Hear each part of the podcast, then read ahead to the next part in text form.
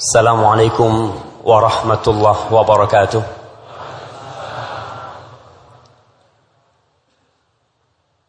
الحمد لله الذي هدانا لهذا وما كنا لنهتدي لولا أن هدانا الله Segala puji bagi Allah Jalla Jalaluh yang telah memberikan hidayahnya kepada kita sehingga kita bisa meniti jalan kebenaran kita mengenal mana yang hak dan mana yang batil andai kata bukan karena hidayah Allah tidak mungkin kita bisa berada di tempat ini Mustahil kita bisa berada di rumah Allah Jalla Jalaluh. Karena rumah ini adalah rumah untuk zikrullah rumah untuk menegakkan syiar-syiar Allah dan ternyata rahmat Allah meliputi kita semua sehingga kita bisa hadir di tempat ini. Allahumma salli wa sallim wa zid wa barik wa an'im ala habibikal mustafa wa nabiyikal mujtaba nabiyina wa sayyidina Muhammad.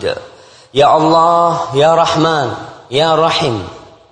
Ya Malik, Ya Kudus, semoga segala salawatmu, semoga salam berkah dan nikmatmu senantiasa kau curahkan untuk hamba kekasihmu. Untuk baginda Nabi kita Muhammad Sallallahu Alaihi Wasallam.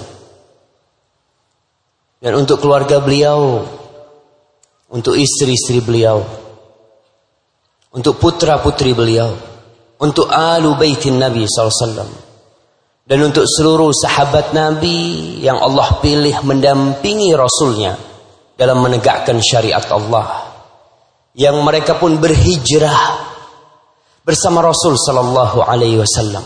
Amma ba'd. berbicara tentang hijrah. Sebenarnya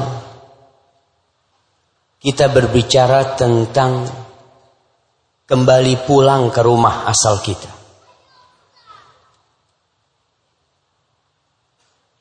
Saya sempat berjumpa dengan seorang syekh yang besar sekali. Saya masih ingat perjumpaan itu di ruang profesor pembimbing. Kebetulan beliau belum datang, maka kita ngobrol. Dia tanya, ente dari mana Syafiq? Min Indonesia. Masya Allah, Ana udah sampai ke Indonesia. Ana sudah keliling dunia ini. Dia cerita. Terus mumpung ketemu orang alim nih, kita berusaha untuk mengorek ilmunya. Ana ngomong, Ustaz, Antum kan udah keliling nih Ustaz. Apa faedah yang antum melihat dalam perjalanan antum? Ke Indonesia, ke India, ke Afrika, ke Eropa, ke Australia, ke Amerika, udah ke mana-mana, udah tua dia. Kata dia, satu hal yang anda lihat. Manusia itu tidak ada puasnya.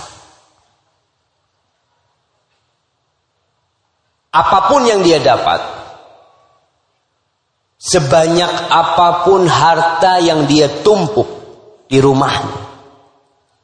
Dia bikin bikin rumah, bikin villa, beli mobil, beli segala fasilitas hidup ini, tetap dia tidak akan puas di muka bumi. Kenapa? Syekh itu mengatakan karena kita bukan penduduk bumi ini. Bukan. Kita hanya singgah di tempat ini. Cepat atau lambat kita akan meninggalkan dunia ini kembali ke tempat kita. Asal bapak kita di mana? Di surga. Allah Jalla Jalaluh menciptakan Adam dan Hawa lalu mengatakan uskun anta wa zawjukal jannah fakula minha ragadan haitsu syi'tuma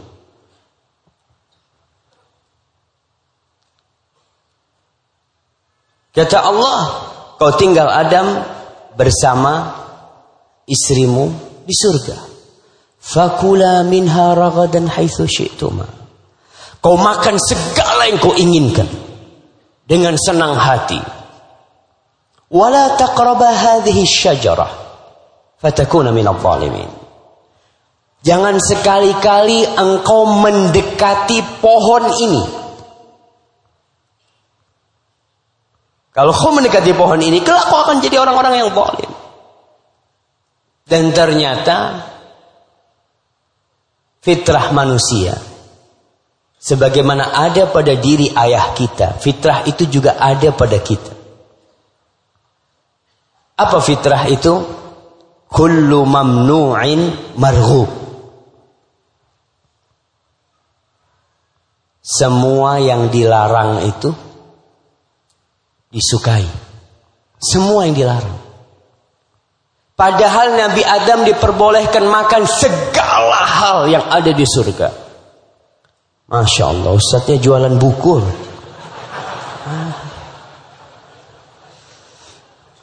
Baik, eh, mereka ini panitia mau ngasih antum jamaah. Semua hal yang dilarang itu disukai.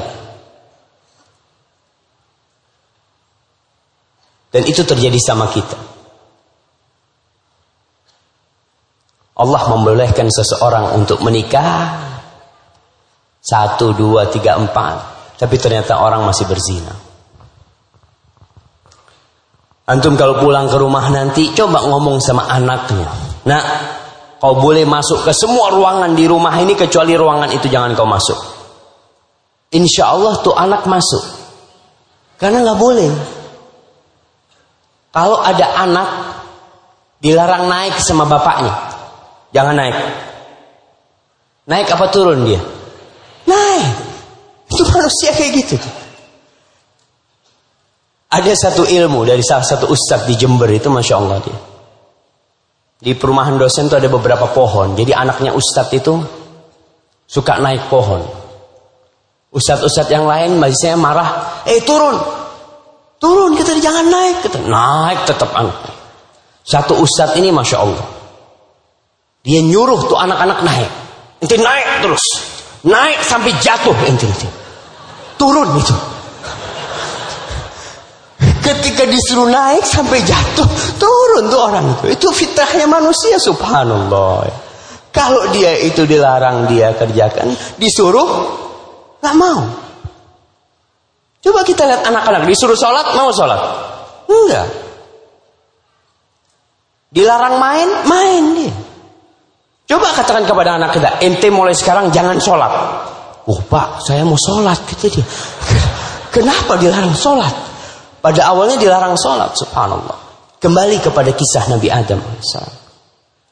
Akhirnya Nabi Adam melakukan satu kesalahan. Tuh pohon. Dimakan buahnya. Para ahli sejarah.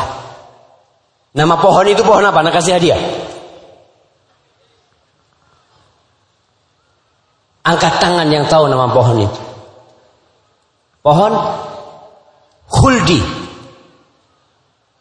Betul. Anak kasih hadiah untuk nggak apa Fadol Barakallahu. Tapi itu nama dari iblis. Nah, iblis itu ketika godain Adam, hal adulluka ala syajaratil khuldi wa mulkin la yabla. Iblis ketika godain Adam, mau nggak engkau aku kasih tahu sebuah pohon khuldi? Khuldi itu artinya apa? Kekekalan, keabadian. Wa mulkin la yabla Suatu kerajaan yang tidak akan pernah sirna. Manusia ketika berada di sebuah kenikmatan, dia takut kenikmatan itu hilang. Maka iblis godainnya di sini. Padahal semua boleh makan, tapi kalau kau semua boleh makan kemudian mati, habis kan? Maka digodain. Kau kalau makan buah ini, Semua yang kau rasakan itu tidak akan pernah habis. Karena engkau akan kekal dan abadi. Manusia itu ingin kekal dan abadi. Ada nanti kekekalan. Tapi yang mencari kekekalan di dunia ini tidak akan mendapatkan kekekalan itu. Dimakan. Karena ingin kekal. Makanya para jamaah jangan suka nyalahkan setan. Yang salah kita yang ikut setan. Nanti setan itu akan ceramah di neraka. Setan pidato di neraka, bayangkan. Setan mengatakan, "Wa ma kana li 'alaikum min sultan illa an da'autukum fastajabtum li." Aku itu nggak punya kekuatan apa-apa. Aku nggak bisa maksa kalian ikut aku nggak bisa. Setan tidak Allah kasih kekuatan sehingga bisa menyesatkan hamba, tidak bisa. Tapi setan mengatakan, aku ajak kalian dan inti ikut ana. Jangan salahkan ana. Fala talumuni walumu anfusakum. Inti jangan suka menyalahkan ana. Inti salahkan diri inti sekali. Makanya jangan nyalahkan sohib. Kenapa inti kok mau bersohib sama dia? Kecuali orang itu dipaksa. Orang yang dipaksa di dalam Islam, dipaksa berbuat dosa, apa berdosa? Tidak berdosa. Tapi ketika diajak berbuat dosa, kemudian dia melakukan dosa itu, dia berdosa. Karena dia melakukan dosa itu dengan keinginan dirinya. Selesai kejadian dosa Nabi Adam alaihissalam. Lalu apa yang terjadi dengan Nabi Adam? Semua pakaiannya terlepas dari tubuhnya. Sehingga Nabi Adam ambil daun sana untuk menutup auratnya, tapi tetap jatuh daun-daun itu. Bagaimana tidak Allah memberikan segala kenikmatan. Hanya satu yang dilarang, itu pun dilanggar. Akhirnya Nabi Adam kembali kepada Allah. Mau lari ke mana kita? Fafiru ilallah. Larilah kepada Allah. Kita kalau takut dari sesuatu, maka kita akan menjauh darinya. Antum kalau takut dari hantu, ada hantu jemaah. Di Jawa ini banyak hantu. Kunduru, apa? Sundel bolong, kuntil anak, naudzubillah itu semua nama-nama jin ya. Kita nggak boleh takut semua. Kita takut dari singa. Kalau kita takut dari singa, kita akan lari ke mana? Menjauh dari singa. Nggak mungkin orang takut dari singa kemudian dideketin singanya. Itulah perbedaan kala kita takut dengan Allah Jalla Jalaluh. Allah itu Rahman. Allah itu rahim. Allah maha pengasih, maha penyayang. Tatkala seorang hamba takut, maka seharusnya hamba itu lari kepada Allah. Karena Rob yang menciptakan dia itu memiliki sifat rahmah. Tatkala Nabi Adam lari dari Allah menjauh dalam kitab-kitab kasir dipanggil Nabi Adam oleh Allah. Atafirru minni ya Adam. Apakah engkau melarikan diri dari aku wahai Adam? Kata Nabi Adam lah. Tidak ya Allah. Aku hanya malu kepadamu ya Seorang yang malu kepada pencipta. Maka dia akan berusaha untuk kembali kepada Allah dengan rasa malu sehingga menyebabkan dia tidak mau menoleh. Berbicara tentang hijrah, kita berbicara tentang orang-orang yang meninggalkan negeri-negeri kafir menuju ke negeri Islam. Kita berbicara tentang orang-orang yang tinggal di tempat kemaksiatan. Ada kampung-kampung di Indonesia ini kampung maling. Penduduknya semuanya maling. Di Surabaya ada. Ada. Ada kampung preman. Jadi di sana bapak, ibu, anak, istri semuanya preman. Karena memang hidupnya di lingkungan preman yang dimakan yang haram. Jadinya seperti itu. Maka seorang yang hijrah meninggalkan kampung itu menuju ke kampung yang baik. Para sahabat Nabi radhiyallahu taala anhu yang namanya Ja'far bin Abi Talib berapa kali dia hijrah? Anak kasih hadiah. Oke, pertanyaannya terlalu sulit Ustaz. Itu pertanyaan di kelas. Sahabat Nabi berapa kali hijrah? Jamaah. Masih sulit.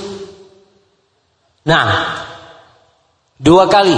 Yang pertama, hijrah ke Habasyah Kedua ke Madinah. Masya Allah. Barakallahu fikum. Fadal nih hadiahnya diambil. Masya Allah. Barakallahu fikum. Berapa kali jamaah? Dua kali hijrah. Mereka meninggalkan Mekah karena Mekah tidak pantas untuk ditempatin. Padahal Mekah itu ada rumah Allah. Di situ ada Ka'bah. Inna awwala baitin wudi'a linnas lalladhi bi Sesungguhnya rumah tempat ibadah yang pertama kali diletakkan di muka bumi ini adalah yang ada di kota Mekah. Tapi tatkala tempatnya tidak layak untuk menegakkan syariat Allah, mereka hijrah. Mereka meninggalkan Mekah yang mulia, yang dicintai Allah. Mekah itu kota yang paling dicintai Allah. Tapi tatkala iman tidak bisa ditegakkan di sana, para sahabat pindah ke negeri kafir juga. Nggak ada negeri Islam pada waktu itu. Semua negeri masih di bawah kekuasaan kesyirikan. Hijrah ke negeri yang lebih ringan pemerintahan. Pemerintahannya tidak mendolimin orang-orang yang pindah ke sana. Ada suaka. Pindah mereka ke sana. Tapi ternyata tatkala mereka pindah ke Habasyah, godaan di Habasyah tidak berhenti. Oke, mereka selamat dari orang-orang musyrikin Mekah. Tapi mereka tidak selamat dari orang-orang Nasoro yang ada di Habasyah. Ada satu sahabat yang menjadi korban pemurtadan. Ketika mereka di Habasyah, Siapa? Jemaah. Suaminya siapa? Istrinya itu kemudian jadi istrinya Nabi Muhammad SAW. Siapa nama istri Nabi? Yang belakang sana tuh. Yang ditunjuk yang jawab. Siapa? Ruqayyah. Subhanallah. Itu betul. Tapi bukan untuk pertanyaan ini. Itu nama putrinya Nabi Ruqayyah. Ya opo jemaah. Enggak ada istri Nabi yang namanya Ruqayyah itu enggak ada. Baik. Ummu Salamah. Masya Allah. Sama. Betul jamaah, betul. Tapi pertanyaannya salah. Mana satu lagi? Nah. Sofia. Ini ternyata pokok nyebut aja jangan. Semuanya disebut sampai ketemu nanti. Taib. Ya Inggris itu. Siapa? Zainab. Zainab. Zainab betul istri Nabi, tapi bukan yang ini jemaah. Taib ana mau tanya di sini nih. Nah. Ummu Habibah, fadl ambil. Oke, antum tinggal di situ. Ana simpan hadiah buat antum di sini. Ummu Habibah. Anaknya siapa? Anaknya siapa Ummu Habibah? Anaknya Abu Sufyan. Romlah binti Abi Sufyan. Bayangkan tatkala dia di Mekah disiksa, ayahnya juga tidak suka dia masuk Islam. Maka Ummu Habibah hijrah bersama suami menuju ke Habasyah, ditinggalkan orang tuanya ditinggalkan keluarganya, dia berangkat ke sana. Ternyata di sana Ada satu musibah. Ummu Habibah jadi janda akhirnya. Maka Rasul Sallallahu Alaihi Wasallam untuk menyelamatkan Ummu Habibah menikahi Ummu Habibah. Sallallahu ala wasallam. Itu hijrah yang pertama. Hijrah yang kedua lebih dahsyat lagi. Hijrah ke kota Madinah. Rasul Sallallahu Alaihi Wasallam juga hijrah meninggalkan tempat Mekah dan beliau sedih ketika meninggalkan kota Mekah. Kita ini ketika hijrah, kita akan sedih. Meninggalkan usaha kita, meninggalkan kerjaan kita, meninggalkan teman-teman kita, kemudian kita dikucilkan, nggak punya siapa-siapa, harta semua habis. Gara-gara kita meninggalkan kemaksiatan menuju kepada Allah Jalla Jalaluh. Naam. Para sahabat yang hijrah Abdurrahman bin Auf. Orang yang kaya raya. Sampai Madinah Nggak punya apa-apa cuma. Tapi orang yang hijrah harus memiliki harus memiliki hati dan jiwa yang besar. Dunia nggak lama kita tinggal di sini. Perjalanan hijrah itu sebenarnya perjalanan kembali menuju surga Allah Jalla Jalla. Tapi nggak gampang jemaah. Abdurrahman bin Auf sampai di Madinah Rasul Shallallahu Alaihi Wasallam mencarikan saudara buat dia. Ini juga pentingnya ketika seorang hijrah, dia harus cari teman baru. Dan kita kalau tahu teman kita fulan baru hijrah, kita pegang dia. Kita carikan sohib inti. Inti coba duduk sama fulan, inti duduk sama fulan. Karena kita takut dia bisa kembali nanti. Maka Abdurrahman bin Auf yang kaya raya, kemudian jatuh miskin, ditinggalkan semua hartanya, berangkat ke Madinah. Rasul Shallallahu Alaihi Wasallam menjadikan saudara buat Abdurrahman seorang sahabat yang siap menjadikan separuh hartanya untuk Abdurrahman bin Auf. Yang siap menjadikan istrinya yang dua, satu untuk Abdurrahman bin Auf. Siapa nama sahabat itu? Jamaah, kita lihat bagaimana teman-teman hijrah yang dipilihkan oleh Rasul SAW. Jamaah. Ya, ini belakang. Fadal, berdiri. Sa'ad bin Mu'ad. Depannya benar. Belakang yang salah. Tapi nggak apa-apa, kasih hadiah antum. Sa'ad bin Rabi'ah. Sa'ad bin Rabi' salah satu tuan tanah di kota Madinah. Abdurrahman dipanggil. Hai Abdurrahman, aku punya kebun yang banyak sekali. Separuhnya buat kau. Dan aku memiliki dua istri. Kau lihat yang mana yang kau sukai. Aku ceraikan. Kau tunggu masa iddahnya. Kau nikahin dia. Subhanallah sebuah ukhuwah yang mungkin tidak kembali lagi. Seorang muslim siap berkorban buat saudaranya yang muslim. Yang baru hijrah meninggalkan semua kekayaan dia untuk kembali kepada Allah Jalla. Tapi kita lihat Abdurrahman bin Auf, jiwa besar Sa'ad bin Rabi berjumpa dengan jiwa besar Abdurrahman bin Auf dan al-mu'minun ba'duhum awliya'u ba'd. Orang-orang yang beriman itu satu sama lain saling menyayangi. Apa kata Abdurrahman bin Auf? Barakallahu fi malika wa ahlika. Semoga Allah memberikan berkah kepadamu di keluargamu yang kau tawarkan kepada aku dan di hartamu. Aku mau kerja. Dulluni ala suq. Dullani ala suq. Tunjukkan kepada aku di mana ada pasar. Aku mau kerja. Seorang mukmin ketika hijrah dia harus berusaha bekerja. Jangan berpangku tangan. Jangan mengharapkan uluran tangan. Nam, kalau nggak mampu nggak masalah. Sebagian sahabat Nabi itu tidur di masjid ketika hijrah, nggak punya siapa-siapa. Mereka tidur di sufah Sufah itu di mana? Di belakang Masjid Nabawi. Jadi Masjid Nabawi itu tengahnya kosong. Kalau hujan turun akan basah. Yang bagian pengimaman dan bagian belakang itu ada atapnya. Atap aja. Mereka tidur di sana sama. Jangan difikir tidur pakai kasur. Makanan enak. Abu Hurairah cerita kita tuh makan dari pemberian orang.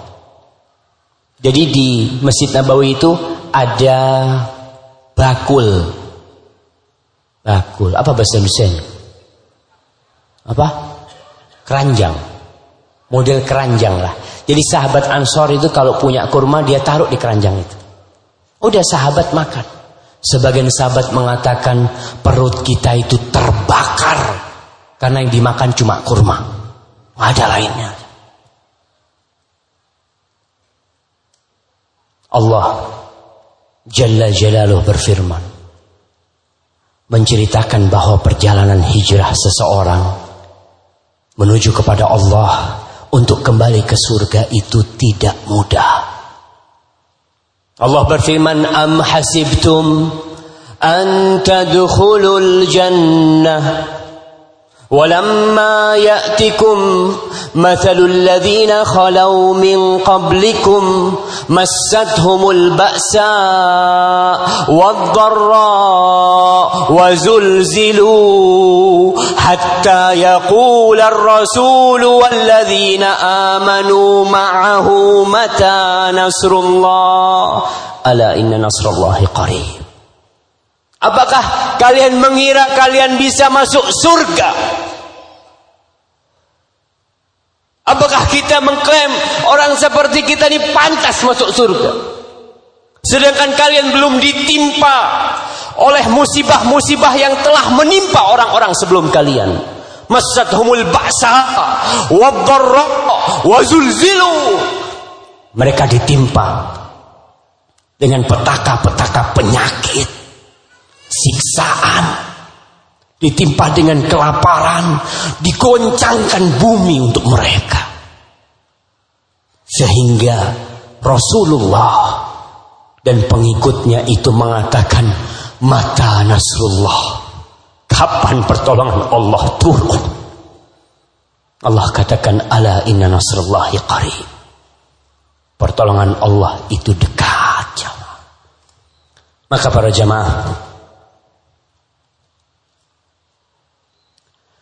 Sering-sering antum berdoa, Allahumma inna nas'aluka al-jannah wa na'udzubika minan nar.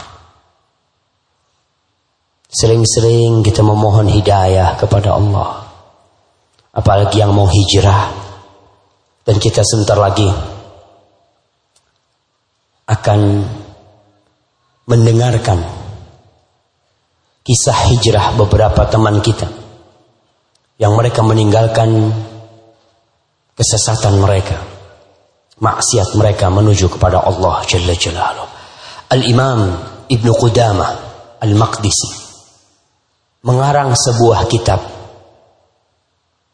Judulnya Kitabut Tawabin kitab kumpulan orang-orang yang bertaubat. Mulai dari malaikat kemudian Nabi Adam kemudian Nabi Nuh, kemudian para nabi yang bertobat, kemudian bercerita tentang para sahabat, bercerita tentang orang-orang yang alim yang mereka kembali kepada Allah. Kenapa kita perlu membaca kitab itu? Supaya kita bisa meniti jalan mereka. Itu kitab tidak bisa berbicara. Kita harus baca. Tapi hari ini kita datangkan kitab-kitab yang bisa berbicara. Yang mereka akan bercerita tentang perjuangan mereka menuju kepada Allah. Meninggalkan dunia mereka. Hada ini yang bisa Anda sampaikan untuk sementara. Kita akan lanjutkan lagi di sesi yang berikutnya. Mana pembawa acara kita nih? Fadal barakallahu fikum. Tunggu tunggu. Sudah berapa lama nggak hujan di Surabaya? Berapa lama? Dua hari. Pantesan Ustadznya nggak dikasih air di sini. Masa segini nggak ada hujan mungkin jamaah. Jamaahnya dikasih air itu jamaah.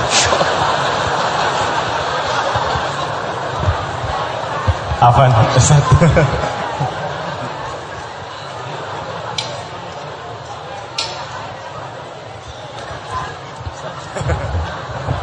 Gak ada gelas juga di sini. Sama gitu. Masya Allah. Ya nggak apa-apa lah. Anda termasuk nggak bisa minum pakai ini zaman. Tapi kalau terpaksa ya gimana lagi. Tafadhol ya. Antum lanjut. Alhamdulillah. Ini ada yang punya hadiah. Tadi ada yang berhak dapat hadiah sudah. Oh ya, uh, yang baru saja atau yang tadi dapat hadiah boleh maju? Ada dua orang kabarnya ya? Alhamdulillah. Maaf. Satu lagi, boleh? Alhamdulillah masih banyak hadiah-hadiah di sini. Mudah-mudahan uh, kita dapat menyimak dengan baik setiap uh, menjawab dengan baik setiap pertanyaan dilontarkan oleh uh, Ustadz atau nanti ada reward-reward yang bisa kita raih. Mudah-mudahan ini buku sebagai jendela ilmu kita kita bisa dapatkan di sini karena jumlahnya terbatas. Siapa yang bisa menjawab dia yang dapat, gitu ya, Bapak Ibu. Nanti Ahwat juga ada yang kebagian nggak Ustaz? Insyaallah. Insyaallah ya. Oh suaminya oh benar-benar sudah diwakili ya. Ya, insyaallah. Alhamdulillah. Masih ada saudara kita yang masih di luar. Nah, boleh merapat. Kalau untuk yang di sini mohon maaf Bapak karena kalau terlalu dekat nanti kebawa kepalanya sama ini sama kamera. Afan, Aki cukup segini? Cukup ya? Cukup? Sini Pak ya. Pas ya? Siap, siap. Alhamdulillah. Silakan Bapak Ibu yang masih di belakang dan yang masih di luar sekiranya bisa maju silakan maju sampai pastikan lutut Anda bersentuhan dengan saudaranya yang di depan. Artinya ketika nanti ada sesi pijit-pijitan mau nggak pijitan lagi? Kayaknya udah udah berkeringat Pak ya. Alhamdulillah. Masya Allah. Panitia ini sudah ada absensinya sudah berapa ribu kira-kira? Kabarnya ini masjid muat 5000 orang. Hah? 2000 ya? Kemarin saya bicara sama siapa ya? 2000 sholat. Oh. Untuk sholat. Iya, iya. Ya masih ada agar kita memudahkan saudara kita yang baru turun, eh, yang baru datang bisa masuk dengan mudah sehingga bisa juga mengikuti kajian kita. Insyaallah beberapa saat lagi kita akan memanggilkan bintang tamu kita. Pertama kita akan memanggilkan siapa kira-kira ya? Mau dipanggilkan dulu ya? Ada tiga orang nih yang siap berbagi ibroh, berbagi pelajaran, berbagi tauladan yang beliau sudah lakukan. Insyaallah kita akan panggilkan Mas Jarot Jatmiko. Boleh? Mas Jarot kita undang hadir ke depan. Kita akan bincang-bincang sama beliau. Pelajaran apa yang bisa kita simak?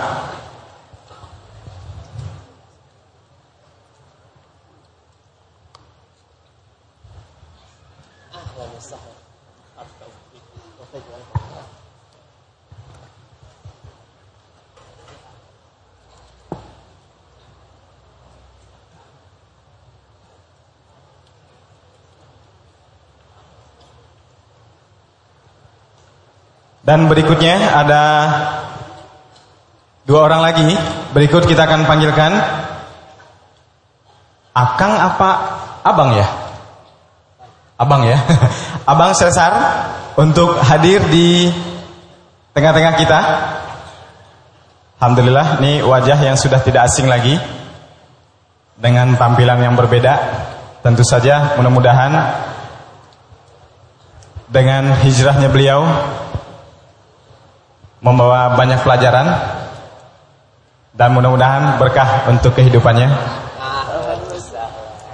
Dan berikutnya kita Juga kehadiran Cek. Cek. Bang Ahmad Zarkasi atau yang biasa dipanggil Abu Tako. Kita undang juga di sini untuk hadir bincang dengan Ustadz.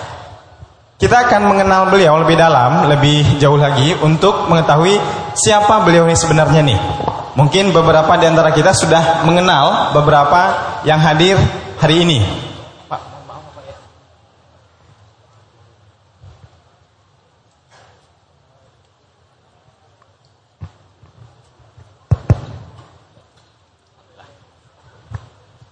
Alhamdulillah uh, bintang tamu kita sudah hadir semua di sini dan kita akan sedikit berbincang uh, untuk pengenalan background beliau sampai beliau dengan kondisi uh, saat ini dengan meninggalkan dunia kelabu mereka. Kita minta untuk uh, bicara kesempatannya dengan Abu Tako dulu. Tafadhal. Abu. Bismillahirrahmanirrahim. Assalamualaikum warahmatullahi wabarakatuh. Eh, apa ya? Cerita. Boleh cerita, Wah, eh, eh, Anda boleh memperkenalkan diri dulu. Nama saya Ahmad Zarkasi. Eh, dikasih nama kunya biar agak beda dengan yang dulu Abu Tako karena anak pertama saya itu namanya Tako gitu. Eh, Alhamdulillah sekarang tinggal di Jakarta. Eh, istri satu. Nggak berani nyebut masih satu ya. Cukup satu apa ada rencananya? Baru satu stat. Oh baru satu gitu. Baru satu. Pulang ditanya ini. Anak alhamdulillah sudah eh, empat dan eh, dua alhamdulillah bisa dibawa ke Surabaya kemarin eh, ada di Surabaya ini. Kemudian eh, ya usia sekarang sudah lewat kepala empat. Eh, mau mengucapkan terima kasih kepada teman-teman Surabaya sudah diperbolehkan untuk eh, ikutan di majlis ilmu ini dan terima kasih kepada saudara-saudaraku yang Surabaya sudah mau menerima. Mungkin itu atau, atau ada yang harus saya ceritakan lagi? Ya, uh, Ustadz uh, Abu uh, mungkin bisa diceritakan background uh, Abu sebelum dan sampai kondisi saat ini mungkin singkat dan padat saja mungkin. Atau nanti uh, boleh mengalir saja. Eh, fadal, fadal. Nah, Nah, eh, Bismillah. Dulu eh, saya memang lahir dari eh, keluarga di pinggiran Jakarta ya di kampung. Eh, karena pendidikan waktu itu yang lumayan bagus tuh adanya di Jakarta. Akhirnya dari SMA tuh sudah mulai pindah ke Jakarta dulu di luar Jakarta walaupun masih Tangerang ya masih tetangga Eh, nah di Jakarta itu akhirnya kita mulai mengenal apa yang namanya ya anak tongkrongan Jakarta gitu yang gak jauh dari eh, ya nongkrong musik gitu. Yang dulunya eh, apa nilai-nilai agama itu ditanamkan sama keluarga itu mulai ah, mulai habis tuh pelan-pelan sama lingkungan eh, sekolah. Jadi mulai di situ ngeband belajar ngeband eh, menikmati musik. Jadi memang dari usia sekolah kemudian sampai kuliah mulai ditekuni sampai akhirnya eh itu jadi sebuah tunggu Abu Tako. Jadi ketika kecil didikan agama. didikan agama kecil. Maksudnya secara umum ya, bukan eh, agama sebagaimana mestinya tapi paling tidak di, di setiap Sholat, hari ya, baca sholat lima Quran, waktu, sholat lima waktu gitu. Itu sampai sampai usia SMP SMP lulus. Kemudian ketika ke Jakarta orang tua nggak ikut. Jadi Karena enggak masih pulang pergi, maksudnya pulang pergi cuma eh, kebiasaan-kebiasaan yang dulu kecil dijaga itu sudah hilang sama ya sekolah udah pulang juga sudah biasanya pulang harusnya siang nih malam karena ngeband. Subhanallah. Karena main subhanallah. musik. Oke, kalau itu dari Abu Tako, kita mau tanya Cesar. Bismillahirrahmanirrahim. Assalamualaikum warahmatullahi wabarakatuh. Waalaikumsalam warahmatullahi wabarakatuh. Pertama-tama izinkan saya untuk saya meminta maaf semua saudara-saudaraku. Dulu saya mengajak Anda untuk bergoyang, dulu saya mengajak Anda untuk bergoyang, sekarang saya mengajak Anda untuk mendekatkan diri kepada Allah Subhanahu wa taala. Masya Allah. Saya Suaranya kurang keras tuh kayaknya. Iya. Cek cek ya. Bismillah. Jadi benar sekali banyak orang yang membenci saya. Dulunya dulunya banyak yang membenci saya. Masya Allah sekarang ini saat saya berhijrah dia mencintaiku karena Allah Subhanahu Wa Taala. Dari sini terima kasih juga untuk panitia pan- panitia di Surabaya untuk mendapat saya mendapatkan wadah untuk saya minta maaf dan sedikit sharing tentang arti sebuah hidayah. Masya Allah. Baik, tadi pertanyaannya bagaimana masa kecil Cesar? Kalau tadi Abu Tako ceritakan dia hidup di Tangerang, ya, Iya. masa kecilnya dengan orang tua yang perhatian dengan sholat, dengan ngaji. Kalau Bang Cesar sendiri gimana? Ya, saya tinggal di Bekasi. Dulu saya eh, anak bungsu dari lima bersaudara. Saya ditinggalkan semua pada udah pada nikah, tinggal saya yang belum nikah. Yang Sampai sekarang belum nikah? Udah, alhamdulillah. Alhamdulillah saya udah nikah. Saya di situ saya ditinggalkan kakak-kakak saya untuk eh, menikah. Akhirnya saya bekerja sebagai asisten artis dulunya. Di situlah saya orientasi saya hidup saya adalah dunia. Saya dulu kerja kerja udah pikiran saya udah kerja udah hidup saya udah settle setelah itu saya menikah itu pikiran saya sih dulunya Subhanallah. Tapi masa kecilnya bagaimana dengan pendidikan agama dari keluarga, masalah sholat, masalah. Apakah itu dari kecil dididik untuk itu? agama dulu cuma hanya sholat subuh saja Ustaz. Jadi pagi iya orang tua kayak pretin pakai air. Bangun bangun sholat subuh. Setiap subuh sih saya melaksanakan tapi selanjutnya saya Allah alam saya tidak mengerjakannya gitu. Subhanallah, subhanallah. Dan di situ ya masih backgroundnya keluarga saya ya udah sholat sholat sholatnya wajib wajib aja gitu.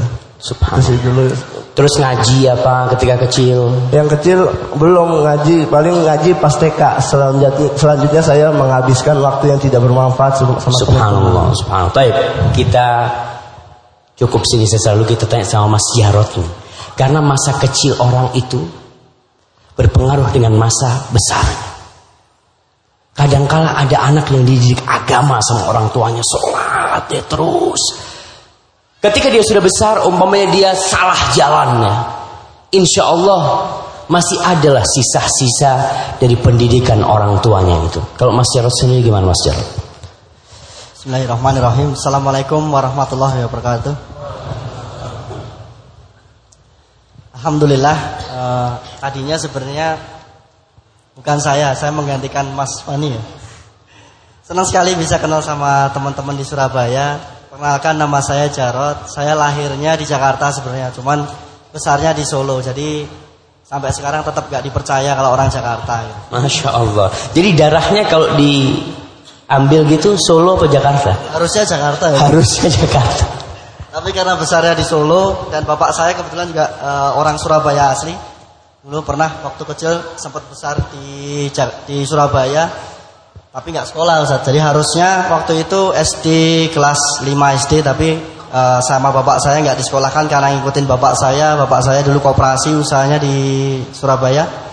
Jadi sempat hampir satu tahun di Surabaya tinggalnya. Jadi sedikit banyak sedikit banyak tahu eh, jalan-jalan di Surabaya. Masya Allah, Masya Allah. Jadi balik kampung ceritanya nih. Ya gitulah Ustaz ya. dulu dulu sempat tinggal di ini mana? Eh, apa ya? Dupak Bangun Sari ya salah. Tinggalnya di sana. Ya. Tapi masa pendidikan kecil gimana?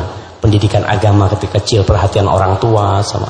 Ya eh, memang kecil saya orang tua saya nggak nggak banyak untuk mengajarkan agama ya Ustaz ya. Eh, cuman seingat saya dulu memang hanya ada guru ngaji yang datang ke rumah, tapi itu pun guru ngajinya uh, sudah tua sekali, jadi uh, meng mengajarkan baca baca baca Quran itu setelah saya besar ngulang lagi ternyata dulu salah semua gitu. Jadi nggak tahu ngajarinya memang kurang kurang kurang kurang pas atau sayanya yang nggak dengerin. Nah iya ini ini murid Kayak, yang kurang berbakti sama gurunya. Dia nggak bisa gurunya yang salah gitu. jadi yang hak jadi jim gitu ya dulu gitu. ya gitu. Jadi uh, setelah besar itu ngulang lagi Ustaz belajar tuh jadi kembali dari nol lagi. Meskipun uh, dulu sebenarnya kecilnya diajarin diajarin sudah ngaji tapi kayaknya nggak nyantol. Memang saya kecil itu di, dibesarkan uh, di, di perumahan yang isinya nggak nggak banyak orang Islamnya Ustaz. Jadi memang nggak nggak begitu kenal dengan Islam, nggak terbiasa dengan sholat. Jadi jadi sholat nggak biasa. Ya, seingat saya kayaknya cuma puasa doang Ustaz. Kalau puasa itu terus disuruh disuruh ke masjid gitu ya bareng-bareng sama teman-teman gitu. Memang pelajaran agamanya kurang kalau dulu masih masih kecil. Tapi alhamdulillah ya sekarang bisa Alhamdulillah. Jadi antum kalau melihat tiga wajah ini kayaknya wajah orang-orang soleh ya sekarang. Insya Allah. Tapi kalau antum tahu gimana mereka dahulunya jamaah, kita bersyukur kepada Allah yang dapat hidayah. Kita kembali kepada Abu Takwa. Gimana Abu Takwa? Setelah SMA mulai kenal sama dunia yang dulu tidak ada di rumah mungkin ya, tidak ada di kampung. Terus gimana jadi? Ya, uh, semua jalan itu seolah-olah dibuka semua. Maksudnya dipermudah dari uh, apa? Saya itu sudah terbiasa untuk keluar dari rumah sejak SMA gitu untuk tidur di rumah teman atau di mana gitu. Nggak uh, pulang itu udah biasa. It, itu yang bikin menguatkan bahwa pengaruh lingkungan teman-teman itu ternyata lebih saya pegang daripada di keluarga gitu ya. Padahal keluarga kan uh, baik semua gitu. Maksudnya nggak ada kita bukan dari keluarga broken home gitu ya. Nah uh, kuliah akhirnya kita mulai ketemu teman-teman lebih luas lagi lebih kuat lagi jaringannya. Ketemu lagi sama yang memang sudah profesional gitu. Akhirnya kita sampai proses uh, matang di di musik itu sampai buat album gitu kan. Sampai kita keliling Indonesia itu uh, ya hanya untuk itu aja. Uh, touring dari kota ke kota tuh Surabaya itu dulu tahun 99 saya sempat ke Surabaya ya cuma buat itu. Makanya begitu dapat kesempatan untuk ditawarkan uh, mau nggak ke Surabaya untuk acara seperti ini nggak pakai enggak karena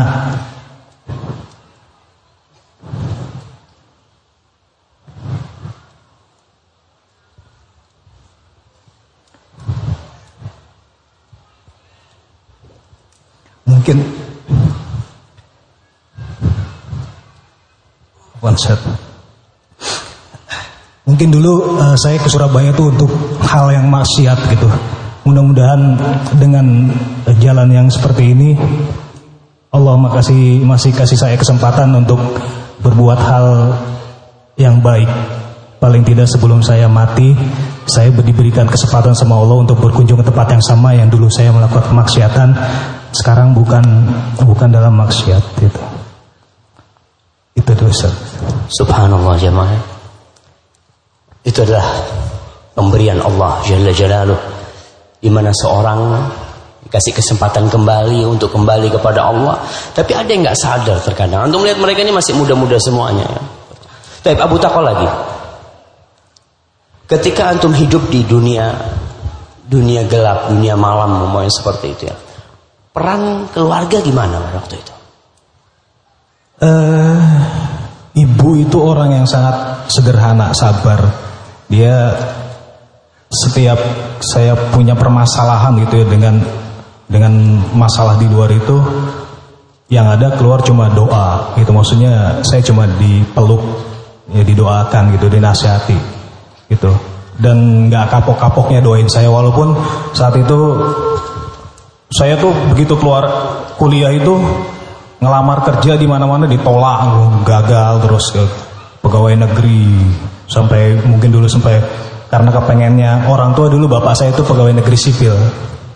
pegawai negeri sipil dia kepengen anaknya juga jadi pegawai negeri sipil sampai ditipu sama orang gitu dibela-belain nah itu bikin saya makin frustasi sama uh, apa jenjang uh, hidup normal sebagai pekerja gitu akhirnya saya makin kuat di musik itu makin rebel gitu uh, yang itu yang yang bikin saya akhirnya sampai di level uh, mungkin kalau di uh, kita kan memang bermainnya di kelas uh, bawah tanah ya, bukan kayak Mas Cesar ini kan mainstream, artis semua orang kenal. Kalau saya mungkin sebagian orang saja karena nggak uh, semua orang bisa menerima musik gitu ya. Kita kondisi-kondisi seperti itu yang kita uh, kecewa sama nggak dapat kerjaan. Uh, pelariannya ke sana ke musik gitu sampai tapi kok dibuka jalannya kok malah jadi terkenal gitu ya malah dibuatkan album, dibuatkan video klip, diundang sana sini. Itu jadi ada semacam rasa kepercayaan diri yang gede gitu, self confidence itu gede. Jadi wah gue bisa nih ngapain aja nih, ini musik hidup gue gitu. Karena kayaknya kok gue bisa menaklukkan dunia dengan musik. Ya sudah, musik jadi kayak semacam dulu sampai sempet gue siap seandainya memang ini jalan gue, ini bakat gue dikasih Allah, gue mati di musik berarti gue mati dalam uh, ya memang jalan yang Allah mau gitu Allah, Allah. sampai segitu ya Ustaz. berharap mati di panggung waktu itu malah Allah. Tayyip. Jadi kalau Abu Tako di bawah panggung, saya di atas panggung gitu main. Tapi dalam kondisi seperti itu, apakah masih ada sholat yang dulu? Wah, ada ya jauh Ustaz uh, kita mau nunggu jam manggung aja misalkan manggung di prime time gitu waktu misalkan sore jam 5 kita sudah ada dari habis juhur misalkan dari rumah aja jalan dari pagi gitu kan lewat juhur ya lewat gitu ya. Karena fokusnya sudah di panggung gitu. Karena memang nggak ada ya sholat ya nantilah gitu. Atau teman-teman juga banyak yang nggak sholat ya kayak gitu. Gampang untuk tinggalin set Subhanallah ya. Itu pengaruh teman juga kadang kala hilang juga pendidikan orang. Kita dengarkan dari Cesar bagaimana Bang Cesar ini tadi dari pendidikan rumah kemudian yang dikatakan jadi asistennya artis gimana tuh iya jadi asisten artis yang saya dulu SMA nganggur berapa bulan sempat ngojek ya saya ditawarin kakak saya untuk bekerja jadi artis, jadi asisten artis. Tugasnya ngapain bang? Anak, saya bilang gitu. Tugasnya udah ngelapin aja. Orang keringetan dilapin aja. Orang gimana? Orang keringetan dilapin. Jadi kayak anak keringetan gini iya, dilapin. dilapin. Masya Allah. Siap. Caranya gimana dulu waktu ngelapin itu? Masya Allah. Kita kita lihat nih. Masya Allah, bah.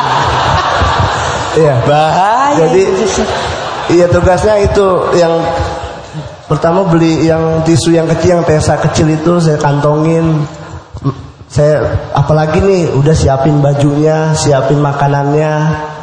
Mau makan apa, Pak? Kita servis lebih ya kita servis lah orang bos bos kita itu dan di situlah saya berkecimpung di dunia-dunia entertain itu akhirnya dari dari dari situ saya belajar belajar belajar untuk bagaimana sih oh saya tidak kepikiran jadi artis dan cuma hanya pengen jadi dia balik layar aja gitu kan akhirnya gara-gara cari duit doang dalam artian itu aja. Iya nyari duit aja. Tahu saya ya dulu kan suka ya dangdut dangdut gitu dulu ya. Akhirnya nah. saya saya goyang-goyang gitu. Ada kreatif suruh udah sar dah antum main ya ngapain aja? Udah antum nggak usah ngomong joget aja. Antum nggak bisa ngomong gitu kan. Meremehkan seseorang. Meremehkan itu kan. Padahal bisa ngomong sekarang ya? insya Allah. Masya Allah. Iya. Jadi di situ saya benar-benar udah saya kerja. Akhirnya saya kok setiap hari setiap hooker hooker saya joget joget sampai habis puasa kok saya dikenal orang wah saya dipuja-puja manusia Subhanallah. Itu mulainya Ramadan. Ramadan tahun 2013 kalau. Jadi bukan sholat terawih malah juga. Iya benar. Allahu Akbar. Istighfar aki, jangan tertawa berlebihan mengeraskan hati. Jadi di situ Ustaz akhirnya saya udah sekali ini pernah ke Surabaya ya itulah Pernah ke Surabaya juga? Goyang Surabaya waktu itu? di Arman apa ya Maratim itu ya apa TNI ya ya situ saya nggak tahu Surabaya sih Ustaz Alhamdulillah, Alhamdulillah. di situ saya al- udah jadi seorang yang dipuji-puji sama manusia ya Allah saya bilang kenapa saya mau lakukan seperti itu ya inilah kalau Allah pun payakun udah jadi seorang yang jadi orang tapi akhirnya saya menyimpulkan bahwa kok ternyata saya jalani ini tanpa ada yang hampa gitu Ustaz Tapi fulus banyak. jangan kalau itu ya, Kan tadi katanya kerja untuk cari fulus. iya Dapat nggak yang dicari ketika bias. Jadi saya nggak makanya masya Allah kita tuh nggak bisa me- mengatur rezeki. Rezeki ya, tapi Allah yang mengatur rezeki kita gitu. Saya benar-benar uang itu nggak udah uang banyak tapi saya nggak nikmati dengan benar-benar kebahagiaan yang yang sesungguhnya tapi kebahagiaan dunia doang gitu. Subhanallah, barakallahu fikum ya. Itu Cesar kita lihat bagaimana dapat fulus, dia cari fulus, dikasih sama Allah, tapi tetap jauh dari Allah. Akhirnya sholat pun yang dulunya juga jarang ditambah habis seperti itu. Tapi kalau itu dari Bang Cesar kita akan dengarkan dari Mas Jarot nih perjalanan beliau ini, karena beliau ini misterius masih. Kita akan dengarkan bagaimana Mas Jarot perjalanannya, kemudian sebelum tobat nih ke mana aja melanglang buana dulu ini Mas Jarot. Ya Ustaz, Eh, jadi saya memang besar eh, di lingkungan yang jadi saya cerita di perumahan yang tidak ada ya nggak nggak banyak orang Islamnya meskipun ada orang Islam pun pastinya bersikap yang sekuler ya. Jadi apa pl- pluralismenya eh, kental sekali. Jadi nggak nggak mementingkan tentang agama. Jadi saya memang di perumahan yang banyak eh, perumahan-perumahan orang-orang Chinese ya Ustaz ya. Jadi saya kebawa jadi besar dengan eh, dunia musik karena teman-teman dan tetangga-tetangga saya dulu kebanyakan bermusik di gereja jadi saya akhirnya ter- terdorong juga untuk main musik gitu ya cuman alhamdulillah saya nggak nggak ikut-ikut main musik di gereja gitu ya tapi saya masjid ngeband. musiknya. Mana itu gereja? enggak Ustaz. Oh enggak. Nah, ya ngeband aja ngeband aja di luar tapi akhirnya eh, kebablasan ya Ustaz ya jadi karena kesenangan di dunia musik musiknya juga sa- hampir sama dengan Mas ah, dengan dengan Abu Tako jadi eh, musiknya musik-musik kenceng musik keras jadi akhirnya malah kebablasan nakalnya akhirnya juga malah jadi yang mabok-mabokan juga terus eh, apa narkoba juga gitu ya dan dan memang eh, kebetulan di, di di keluarga saya memang pada saat itu nggak nggak nggak terdukung untuk untuk untuk menjadi benar gitu Ustaz. jadi memang eh, bapak saya juga membiarkan saya untuk memilih jalan jalan hidup saya yang yang yang arahnya ke maksiat itu memang dibiarkan nggak nggak nggak nggak diarahkan ya waktu itu memang karena kita sekeluarga belum belum belum hijrah. Belum sama-sama kenal tentang Islam. Jadi ya kesenangan aja. Sampai ke bawah-bawah saya juga sekolah pun juga eh, nggak begitu mementingkan sekolah karena saya dulu eh, mis- visi saya adalah pengennya jadi pemusik. Jadi kalau kalau sekolah tinggi-tinggi menurut saya juga nggak penting untuk untuk untuk jadi pemusik kan nggak perlu sekolah gitu loh Ustaz ya. Karena yang penting adalah saya harus bagaimana caranya setiap hari bisa menghabiskan waktu dengan musik. Dulu pikirannya begitu Ustaz. Jadi cita-citanya pengennya jadi pemusik. Sampai eh, saya akhirnya juga akhirnya mencicipi barang-barang haram yang yang yang memabukkan semuanya itu sampai kebablasan dan akhirnya juga senang dengan memodifikasi badan saya sendiri dengan dengan tato tentunya.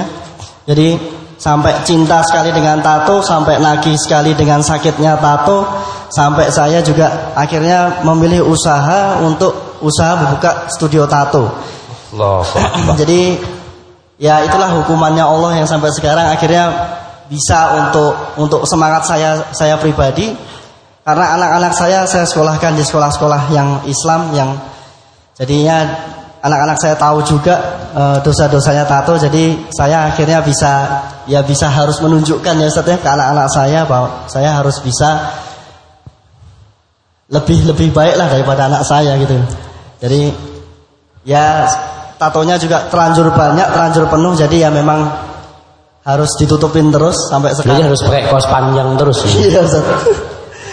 Subhanallah. Panjang terus.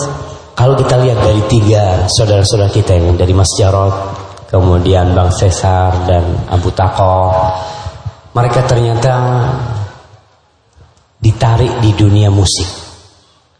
Karena memang musik itu salah satu suara-suara setan untuk menarik seseorang dari jalan Allah. Rasul sallallahu alaihi wasallam mengatakan la ya'tiyanna 'alan nas zaman akan datang kepada manusia itu satu masa. Yastahilluna al-hirra. Atau yastahilluna al-khamra wal hira wal harira wal ma'azifa orang-orang itu akan menghalalkan empat hal yang haram ini. Mereka akan menghalalkan khamr bahkan dilegalkan mungkin minuman keras itu tadi disebutkan yang namanya narkoba dan alhamdulillah pemerintah kita mengumumkan perang terhadap narkoba ini. Karena narkoba tidak pernah membuat anak-anak muda jadi benar. Yang tua aja kena narkoba rusak. Yang tua yang sudah mampu kuburan. Bagaimana dengan yang muda-muda yang dia punya semangat ya? Kemudian yang kedua sutra Lelaki diharamkan pakai sutra, tapi ada orang-orang kaya berduit, ya pakai sutra. Dia mengatakan, sampai saya pernah berjumpa dengan seorang yang menghalalkan sutra. Kata dia, Ustaz, masa pakai mobil mewah nggak apa-apa pakai sutra nggak boleh. Sampai seperti itu mereka. Padahal Rasul mengharamkannya, Sallallahu Alaihi Wasallam. Yang ketiga, al-hira, zina. Zina kita lihat dulu di Surabaya ada yang namanya doli. Banyak di Surabaya ini. Katanya Surabaya malah doli itu terbesar se se Asia. Betul. Pernah ke sana tuh. Kok tahu gitu seperti itu? Enggak, insya Allah mudah-mudahan untuk dijaga sama Allah semuanya jamaah. Kemudian wal ma'azif dan musik. Al-ghina ruqyatuz zina. Musik-musik itu, lagu-lagu itu mengantarkan kepada zina, ruqyah. Ruqyah itu mantra. Antum bisa lihat yang namanya dangdutan. Apa orang yang dangdutan bisa istighfar jemaah? Apalagi ada yang goyang koplo, apalagi bukan goyang sesar, bukan. Ada macam-macam lah, ada goyang gergaji, ada goyang pisau, ada goyang garpu mungkin orang bikin seperti itu dan semuanya mengantarkan kepada zina. Orang kalau dengarkan itu, nah antum lihat kalau masuk ke klub-klub malam mesti ada musik di sana. Karena tanpa itu hampa. Itulah bisikan-bisikan syaitan. Dan alhamdulillah saudara-saudara kita akhirnya meninggalkan hal itu semuanya. Tapi kita mau tanya sama Mas Jarot ini. Posisi keluarga ketika itu. Kan namanya orang tua melihat anaknya buka apa salon tato, anaknya hidup mungkin dengan hal-hal yang haram. Bagaimana orang tua melihat anak seperti itu, Mas? Ya, Ustaz, uh, saya memang uh, dari zaman sekolah SMA itu memang saya udah memang terlalu liar ya, Ustaz ya. Jadi memang saya demen sekali dengan berantem gitu ya. Sampai saya juga sering meninggalkan pelajaran sekolah dan akhirnya saya dicap sekali sama guru dengan uh, kenakalan saya gitu. Jadi pada satu satu satu apa pelajaran itu saya ingat sekali pelajarannya fisika gurunya memang memang suka kalau ngomong memang nggak enak ya.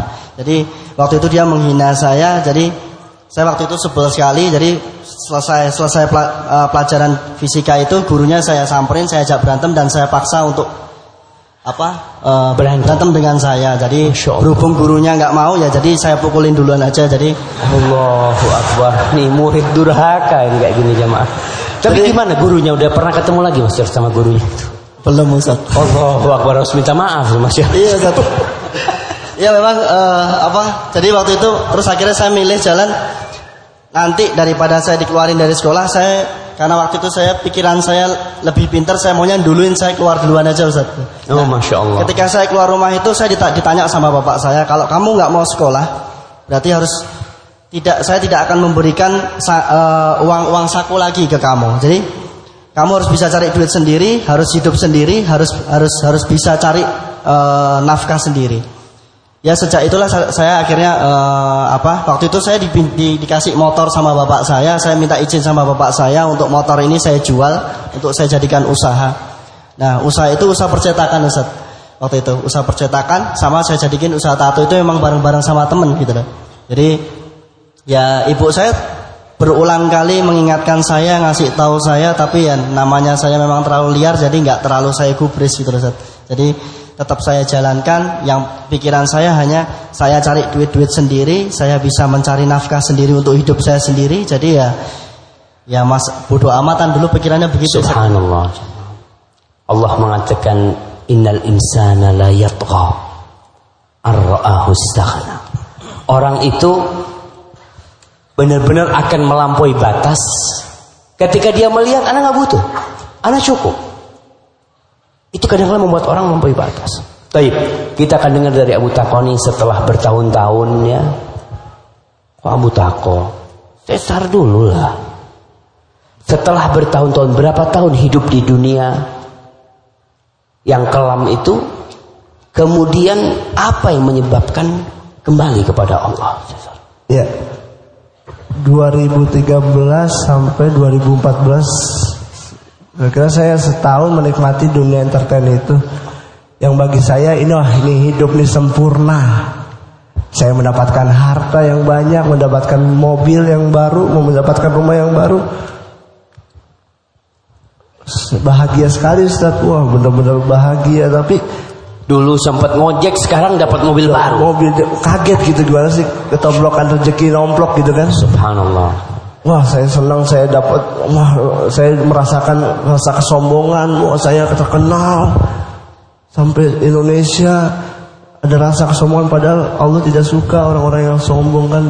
Di situ saya merasakan kok saya dikasih harta lebih harta yang kebutuhan keluarga pun saya berarti mencukupi lah gitu kan. Dan tahu-tahu mungkin aja di situ istidrat dari Allah Subhanahu wa taala di- dikasih harta mungkin dalamnya adalah maksiat. Saya dari situ saya mengerikan saya akhirnya saya tahu bahwa ih ternyata kok saya diperbudak dunia ini gitu. Saya kerja, kerja dan kerja tanpa kita memikirkan keluarga kita, orang tua kita. Saya itu kalau kerja Orang tua masih ada. Masya uh, rahimahullah kalau ibu sempat dia saat saya ya ceritanya dia sakit. Semoga digugurkan dosa-dosanya. Dia sakit diabetes basah. Saat itu insya Allah rasakan bahwa oh, orang tua luar biasa. Bahwa kita orang tua tuh pengennya kita cuma soleh aja Doa ya Allah berikanlah anak kami. Orang yang soleh tapi saat saya saya saat saya berubah.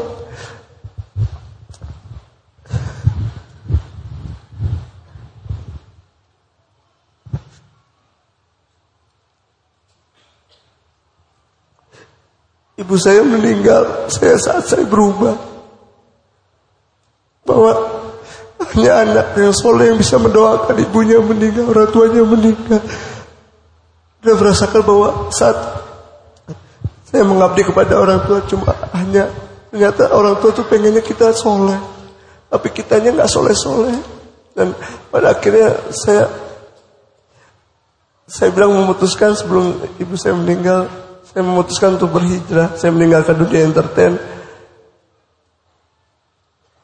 meninggalkan dunia entertain untuk lebih baik lagi mendekatkan diri kepada Allah Subhanahu wa taala itu yang bikin saya tuh Subhanallah. Tapi apa penyebab atau faktor-faktor yang membuat Bang Cesar sendiri ya mendapatkan hidayah Allah? Kan dikatakan hidayah itu harus dijemput ya. Orang itu harus memohon hidayah. Apa yang menyebabkan saya kemudian meninggalkan semua ketenaran itu, semua kenikmatan, duit yang didapat, mobil baru semuanya, dan masih mungkin ada kontrak-kontrak lainnya yang menjanjikan, kemudian kok bisa ditinggal? Iya, yang tadinya akhirnya saya menikah ya, menikah dengan Menikah saya. ketika masih tenar, masih ah, masih tenar sih, masih kerja gitu. saya nikah dengan orang yang benar-benar kok orang wanita ini tidak ingin disentuh gitu Ustaz. Orang ini tidak wanita ini tidak ingin disentuh gitu. Ketika perkenalan itu, ta'aruf. ta'aruf itu Saya ada dia bilang gini, kalau kamu ingin cinta dengan saya, cintailah Allah Subhanahu wa taala yang menciptakan dia. Masya Allah. Ini Dia- istri yang ngomong nih. Zauzati. Masya Allah. Antum cari istri kayak gitu tuh cuman. Ya, dan akhirnya saya menikah tanpa walaupun dulu tuh tidak direstui ya. Siapa yang tidak merestui? Orang tua eh, bapak Oh bapak. Tapi ibu udah meninggal. waktu ibu itu. udah ibu oh, masih masih ini sih masih masih hidup pas itu Masih kan. hidup. Setelah itu saya men- akhirnya direstui. Saat itu saya mendapatkan kok istri nggak perhatian banget Ustaz. Setiap hari, setiap saat yang kamu udah sholat belum? Saya jawab saya jawab aja sudah padahal belum. Masya Allah. Dulu saat saya Belajar di mana bohong tuh? ya itu Di dunia entertain gitu. Makanya itulah pentingnya ilmu kita gitu. Masya Allah di situ Anda merasakan kok saya dia ngebohongin, dia ngasih media sosial, ngasih Instagram buat saya gitu tentang agama-agama, masya Allah. Di situ saya merasakan kok betapa Zauzat ini luar biasa sayangnya sama saya gitu.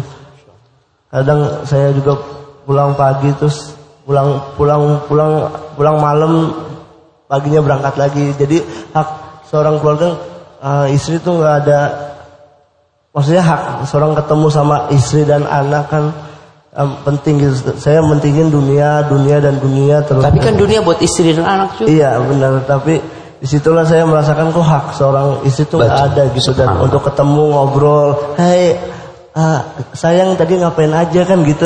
Subhanallah. Ini pulang tidur pagi jalan. lagi. iya bro. Jadi nggak ada Kerja waktu. Rodin.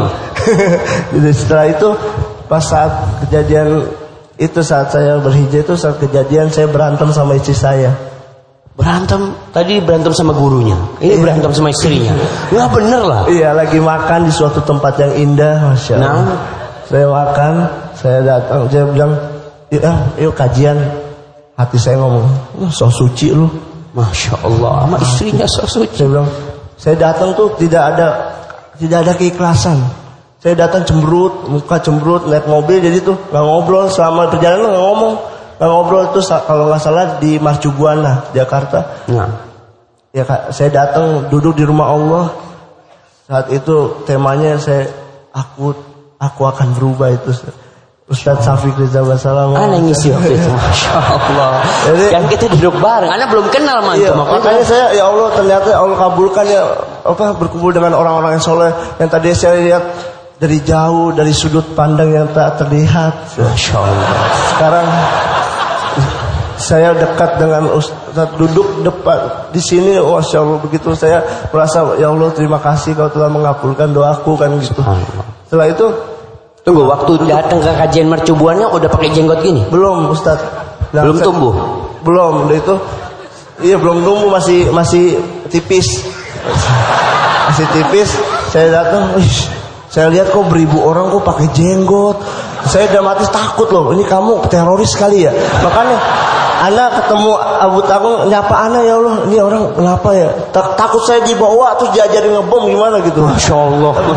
Tapi ah, ini pikiran saya, maksudnya Nah. pikiran jelek saya gitulah.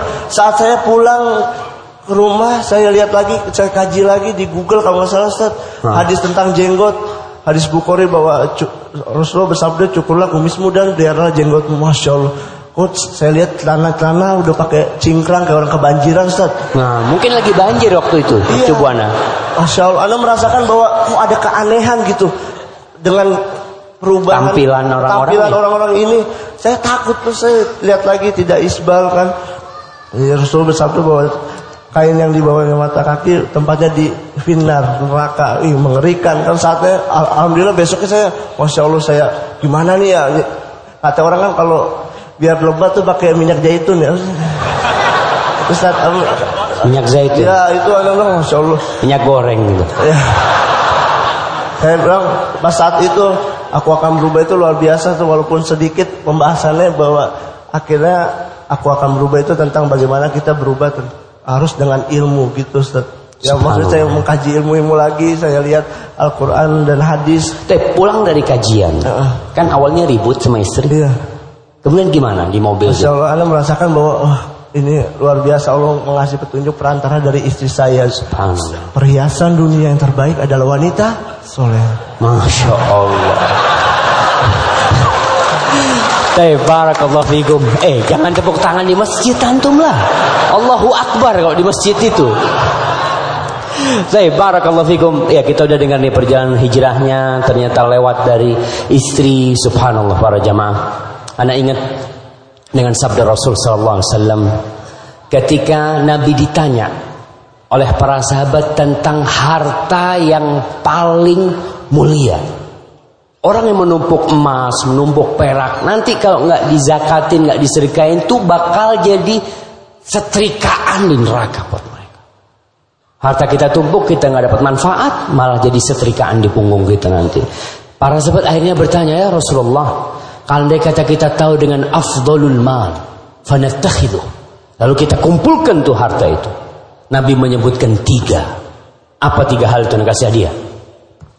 Mana yang mau jawab? Lisanan dhakiran wa qalban syakiran wa zaujatan salih Masya Allah barakallahu fikum. Nah tiga tuh harta yang paling mulia. Yang pertama lisanan dhakiran lisan yang pandai berzikir. Lisanun dzakir wa qalbun syakir. Hati yang bersyukur. Dan yang ketiga salah satunya istrinya sesar insyaallah wa zaujatun mu'minatun tu'inuhu ala imani. Istri yang beriman yang membantu suaminya beriman. Wa fi riwayatin tu'inuhu ala amril akhirah yang membantu suaminya untuk urusan akhirat bukan urusan dunia. Istri bantuin suami masak istri bantuin suami kerja bukan. Istri yang harta yang paling mulia adalah istri yang membantu kita mengingat akhirat ditanya udah sholat bang kata dia. Udah padahal bohong. Oh satu itu sebanyak istighfar. Oke kita akan dengar dari Abu Tako sekarang. Perjalanan dia di dunia musik ya yang pernah di Surabaya pernah ke mana-mana. Yang kemudian ibadah-ibadah yang seharusnya dilakukan seorang hamba kepada penciptanya mulai ditinggalkan karena pengaruh musik dan teman-teman. Terus bagaimana Abu Tako kok tahu-tahu bisa meninggalkan itu semua. Nah, Ustaz. Jadi ini sebenarnya prosesnya masih panjang ya dari kita uh, dulu ada di dua aliran musik ya dari dulu sempat uh, jadi ngepang lah ya dulu. Jadi kalau ngelihat dulu di jalanan ada anak-anak yang pengamen itu yang rambutnya mohak, celana sempit pakai boots tinggi-tinggi ya. Ya dulu saya kayak gitu gitu sampai akhirnya uh, berubah aliran musik yang lebih keras tapi islami gitu jadi kalau islami gimana maksudnya? Ya ini dia yang saya mau ceritain tadi. Itu kalau dilihat itu purgatory itu itu nama band saya dulu. Itu artinya mungkin kalau dalam bahasa Inggris itu uh, tempat pencucian dosa atau neraka ya. Jadi kita ketemu tuh sama teman-teman yang masya Allah rajin sholatnya, baik gitu akhlaknya, banyak baik deh uh, ngingetin sholat gitu. Oh sholat tuh gitu. Terus dulu nggak tahu ilmunya minum pakai tangan kiri santai aja kan. Eh jangan pakai tangan kiri pakai tangan kanan. Oh ya udah. Tapi nggak ngelihat itu sebagai sebuah kebenaran yang hak ya karena ngelihat uh, temen gue bilang tangan kanan mungkin dia ilmunya lebih tinggi ya ikutin aja deh gitu. Sampai di musik yang ini nih kita nih walaupun muka coret-coret udah kayak setan gitu ya kalau manggung itu kita pakai topeng gitu. Jadi dicoret-coret. Terus uh, mau manggung ini kita lihat Allahu Akbar. Tapi ya Allahu Akbar gitu-gitu lagi gitu. Uh, wah headbang segala macam kayak orang gila Jadi lagi. Allahu gitu. Akbar tapi goyang-goyang kepala. Iya, Ustaz. Allahu Akbar goyang-goyang gitu. Jadi udah jalannya salah, ngerasa bener, nggak ngerasa salah karena lo gue dakwah kok, gitu. Gue bawa ini kok Pokoknya yang nonton nih nggak boleh yang mabok ya gitu. Jangan minum jauh-jauh minum keras. Bener itunya sih bener cuma jadi kayak menggabungkan yang hak sama yang batil gitu Ustaz. Karena karena saya dulu nggak tahu gitu. Benar-benar nggak tahu. Tapi kok lama lama-lama hati ini makin keras gitu. Kok makin susah dapat nasihat. Saya punya adik itu dua.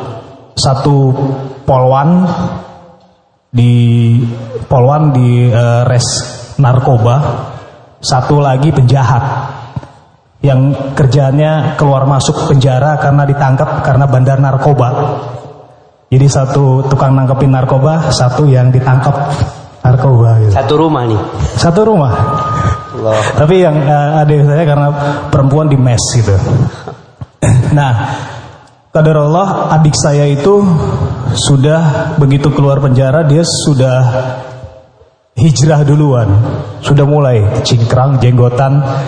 Tapi karena saya di band itu ngerasa dakwah, ada saya ngelihat, alah lu baru taubat aja sombong gitu kan. Gitu jadi kalau misalkan dikasih nasihat sama dia, Dah nggak lu belum lu, lu kan keluar dari penjara, gue belum pernah di penjara gitu. Jadi keras gitu, susah untuk dapat nasihat gitu. Terus di beberapa lirik lagu kita itu nganggap itu hal-hal yang benar gitu. Tapi ternyata ada titik saya dihadapkan pada permasalahan hidup ya Sad ya. Benturan hidup waktu itu saya sambil kerja juga di oil and gas company ya di eh, Malaysia. Jadi selain kerja, eh selain ngeband juga kerja. Nah ini di- dihadapkan pada permasalahan rumah tangga yang yang sampai hampir hampir atau memang sudah cerai gitu sama istri saya waktu itu. Karena Ini belum cerita nikah, kok tahu-tahu udah cerai mau cerai nih. oh sudah ini anggap sudah nikah Ustaz. Anggap sudah Oh, sudah nikah. Karena saya ketemu istri ya sama. Eh, eh, bermainnya di dunia entertain juga. Istri saya juga dulu eh, ya dia agent tiket konser-konser internasional gitu duitnya banyak Oh jadi cari yang duitnya banyak nih. Nah, eh, sampai di titik nih kok kita galau dihantam masalah tapi kok nggak bisa menyelesaikan nih jawabannya mana nih? Kok nih kita di kita ngerasa nih kita orang baik, orang soleh karena dakwah, tapi kok nggak nggak ada jawaban apa-apa ya? Di situ saya ngerasa bodoh, di goblok nih gua masa eh, apa? Afwan ya bahasanya, tapi emang waktu itu kayak gitu ngerasanya. Gua kok nasihatin orang buat eh jangan maksiat, eh, jangan minum, jangan mabuk gitu ya. Eh, jangan segala macem lah yang yang nggak bener. Tapi kok kok ilmunya malah nggak tahu apa-apa ya kok emang bener kayak gini ya kita tanya sama temen yang waktu itu ilmu itu pokoknya kalau misalkan sudah teman ngomong gitu taklid udah. Oh berarti itu yang bener. Udah kita sampaikan oh itu mah begini. Kata siapa? Kata teman gue. Gitu. Jadi begitu masalahnya kena di kita wah ini galaunya habis-habisan tuh. Bener-bener ini jawabannya ke mana nih? E, nyarinya ke mana? Itu akhirnya cuma bisa memutar memori. Waktu dulu saya kecil pernah diajari baik sama orang tua, pernah diajari sholat, ngaji. Ya udah balik aja ke situ deh, ngaji apa adanya. E, karena memang udah nggak sanggup lagi gitu. Kalau dulu mungkin punya masalah sebelum sebelum nikah dan ini sebelum ngepick di bandnya itu larinya ke band. Tapi sekarang masalahnya ada di band dan ada di rumah tangga gitu. Larinya ke mana lagi nih gitu. Sampai akhirnya eh apa di tahap sudah udah apa bosen bahkan ini ngerasa ini salah ini mesti ada yang salah nih sama cara yang seperti ini. Ini mesti cari ilmunya gitu. Akhirnya eh, minta izin sama grup band untuk keluar tapi nggak diizinin gitu. Eh, karena memang waktu itu kita eh, posisinya frontman gitu ya. Tapi ya diem-diem lah Bismillah. Tanya akhirnya baru pertama kali saya terima nasihat tuh karena sudah dalam kondisi ngedown. Udah nggak tahu lagi mau nanya ke mana nanya sama adik saya yang, yang dulu saya bilang sok suci gitu ya yang jenggotan itu. Dia bilang eh eh, ada pada pengajian di mana nih? Gitu gitu. Tetap nanyanya masih gengsi gitu ya. Ada pengajian di mana? Oh dia seneng gitu sumringah tapi santai gitu. Tuh datang aja ke sana. Ada masjid datang aja ke sana. Udah standar pakai orang taubat itu kan baju putih ya baju koko putih celana putih. Pokoknya biar kelihatan bersih lah biar kelihatan orang habis taubat itu dan jalan aja oh masjid sini sudah datang gitu eh, waktu itu daerah Tangerang ya daerah Serpong saya lihat kok jenggotan semua gitu ya jenggotan baju koko tua-tua ini salah tempat ini nih. Nih, ya tapi karena memang awalnya kita sudah rebellion gitu ya, udah peduli amat lah sama orang gitu ya. Yang penting ini kepengen kepengen ya siapa tahu dapat jawaban gitu ya. Duduk aja di pojokan. Akhirnya di situ ada ustadz yang bicara, kok lantang, dan itu nggak ada eh, apa setiap ucapannya itu kata Rasulullah, kata Allah, kata Rasulullah, kata Allah. Ini kok Ustadz biasanya kan ngelawak gitu ya, biasanya ketawa-ketawa. Ini kok enggak nih beda nih, mantep ini. Bilang nih gua banget nih Ustadz nih gitu ya, karena logikanya nyampe gitu ke saya. Karena begitu uh, dia bilang hidup ini seperti ini, ini, ini, karena Rasulullah bilang gini, wah jelas ini sumbernya uh, apa? Memang ternyata ilmunya seperti ini. Nyangkut tuh di hati itu, nyangkut di hati. Mulai tuh uh, apa? Ada ada ngerasa begitu turun dari masjid tuh uh, tenang ya, ada eh, bisa senyum. Terus ketemu temen yang dulu juga ngeband Terus dia jualan uh, dimsum, di, jualan somai di kajian. Kaget juga, oh, lo ngapain jualan ginian lo gitu. Tapi karena dia sudah berilmu, dia santai ngadepinnya gitu ya. Dia senang lihat saya ada di situ gitu. nah merasa ada teman, akhirnya coba balik lagi. Ya sudah, akhirnya uh, jadi itu pelan-pelan ada tukang celana beli celana. Ya udah cingkrang deh. Terus jenggotan tumbuhin aja deh atau nggak rugi amat dulu belum tahu ilmunya. Belum tahu itu cingkrang itu apa jenggotan itu apa. Pokoknya bisa dilakuin yang penting jalan baik lakuin aja dulu. Ilmunya sambil dengerin aja di kajian. Nah uh, jadi di situ mungkin titik baliknya ya. Titik balik saya uh, sudah sudah capek sama dunia musik karena ngerasa bodoh karena bodohnya benar-benar ngerasa bodoh banget gitu. Karena cuma dengerin omongan orang yang kita juga nggak tahu asal ilmunya dari mana gitu. Cuma temen aja. Itu Ustaz. Barakallahu fikum subhanallah. Antum lihat tadi bagaimana perjalanan hidayah. Ada yang ngasih tahu ada yang mengajak. Kalau yang mengajak benar insya Allah jadi benar. Ternyata yang dapat hidayah duluan tadi adiknya mungkin dapat hidayah di penjara di mana dan manusia tidak akan mendapatkan ketenangan dan kedamaian kecuali di rumah Allah Karena ini rumah kita sebenarnya. Adapun berkaitan dengan ilmu, orang yang mau berubah, semuanya membutuhkan ilmu. Kenapa Rasul Shallallahu Alaihi Wasallam disuruh oleh Allah meminta tambahan ilmu? Wakul Rabbi zidni ilman. Katakan ya kepada Rabbmu, wahai Rabbku tambahkan kepada ilmu. Ilmu tadi itu yang insya Allah akan memberikan ketenangan, kedamaian, mengantarkan kepada Allah Jalla Jalaluh. Nanti kita akan lanjutkan dengan Abu Takab. Kita tanya ke Mas Jarod sendiri ini perjalanan hijrahnya gitu gimana Mas Jarod? Dari yang kerjaan jadi pemusik, yang kemudian narkoba macam-macam ya. Terus kok bisa akhirnya kembali kepada Allah? Ada perbedaan antara tiga orang narasumber ini yang ana bisa simpulkan ya. Abu Taqa sama Mas Cesar mungkin bukan dari keluarga berada. Tapi yang ini kayaknya dari keluarga berada, Bang.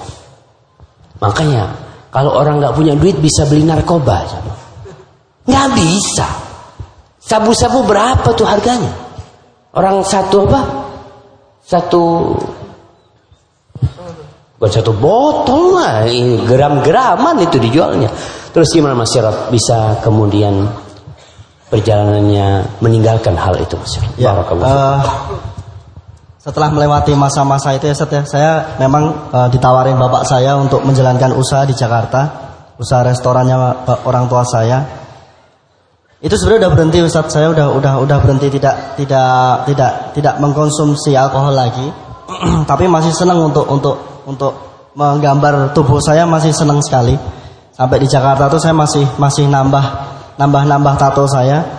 Jadi uh, sampai saya usaha di Jakarta memang bisa dibilang sukses ya Ustadz ya. Memang Allah kasih rezeki saya ke saya ini memang usaha-usaha saya berjalan semua di Jakarta. Tapi balik lagi saya dapatnya juga lingkungan di Jakarta ini bukan lingkungan orang-orang yang soleh.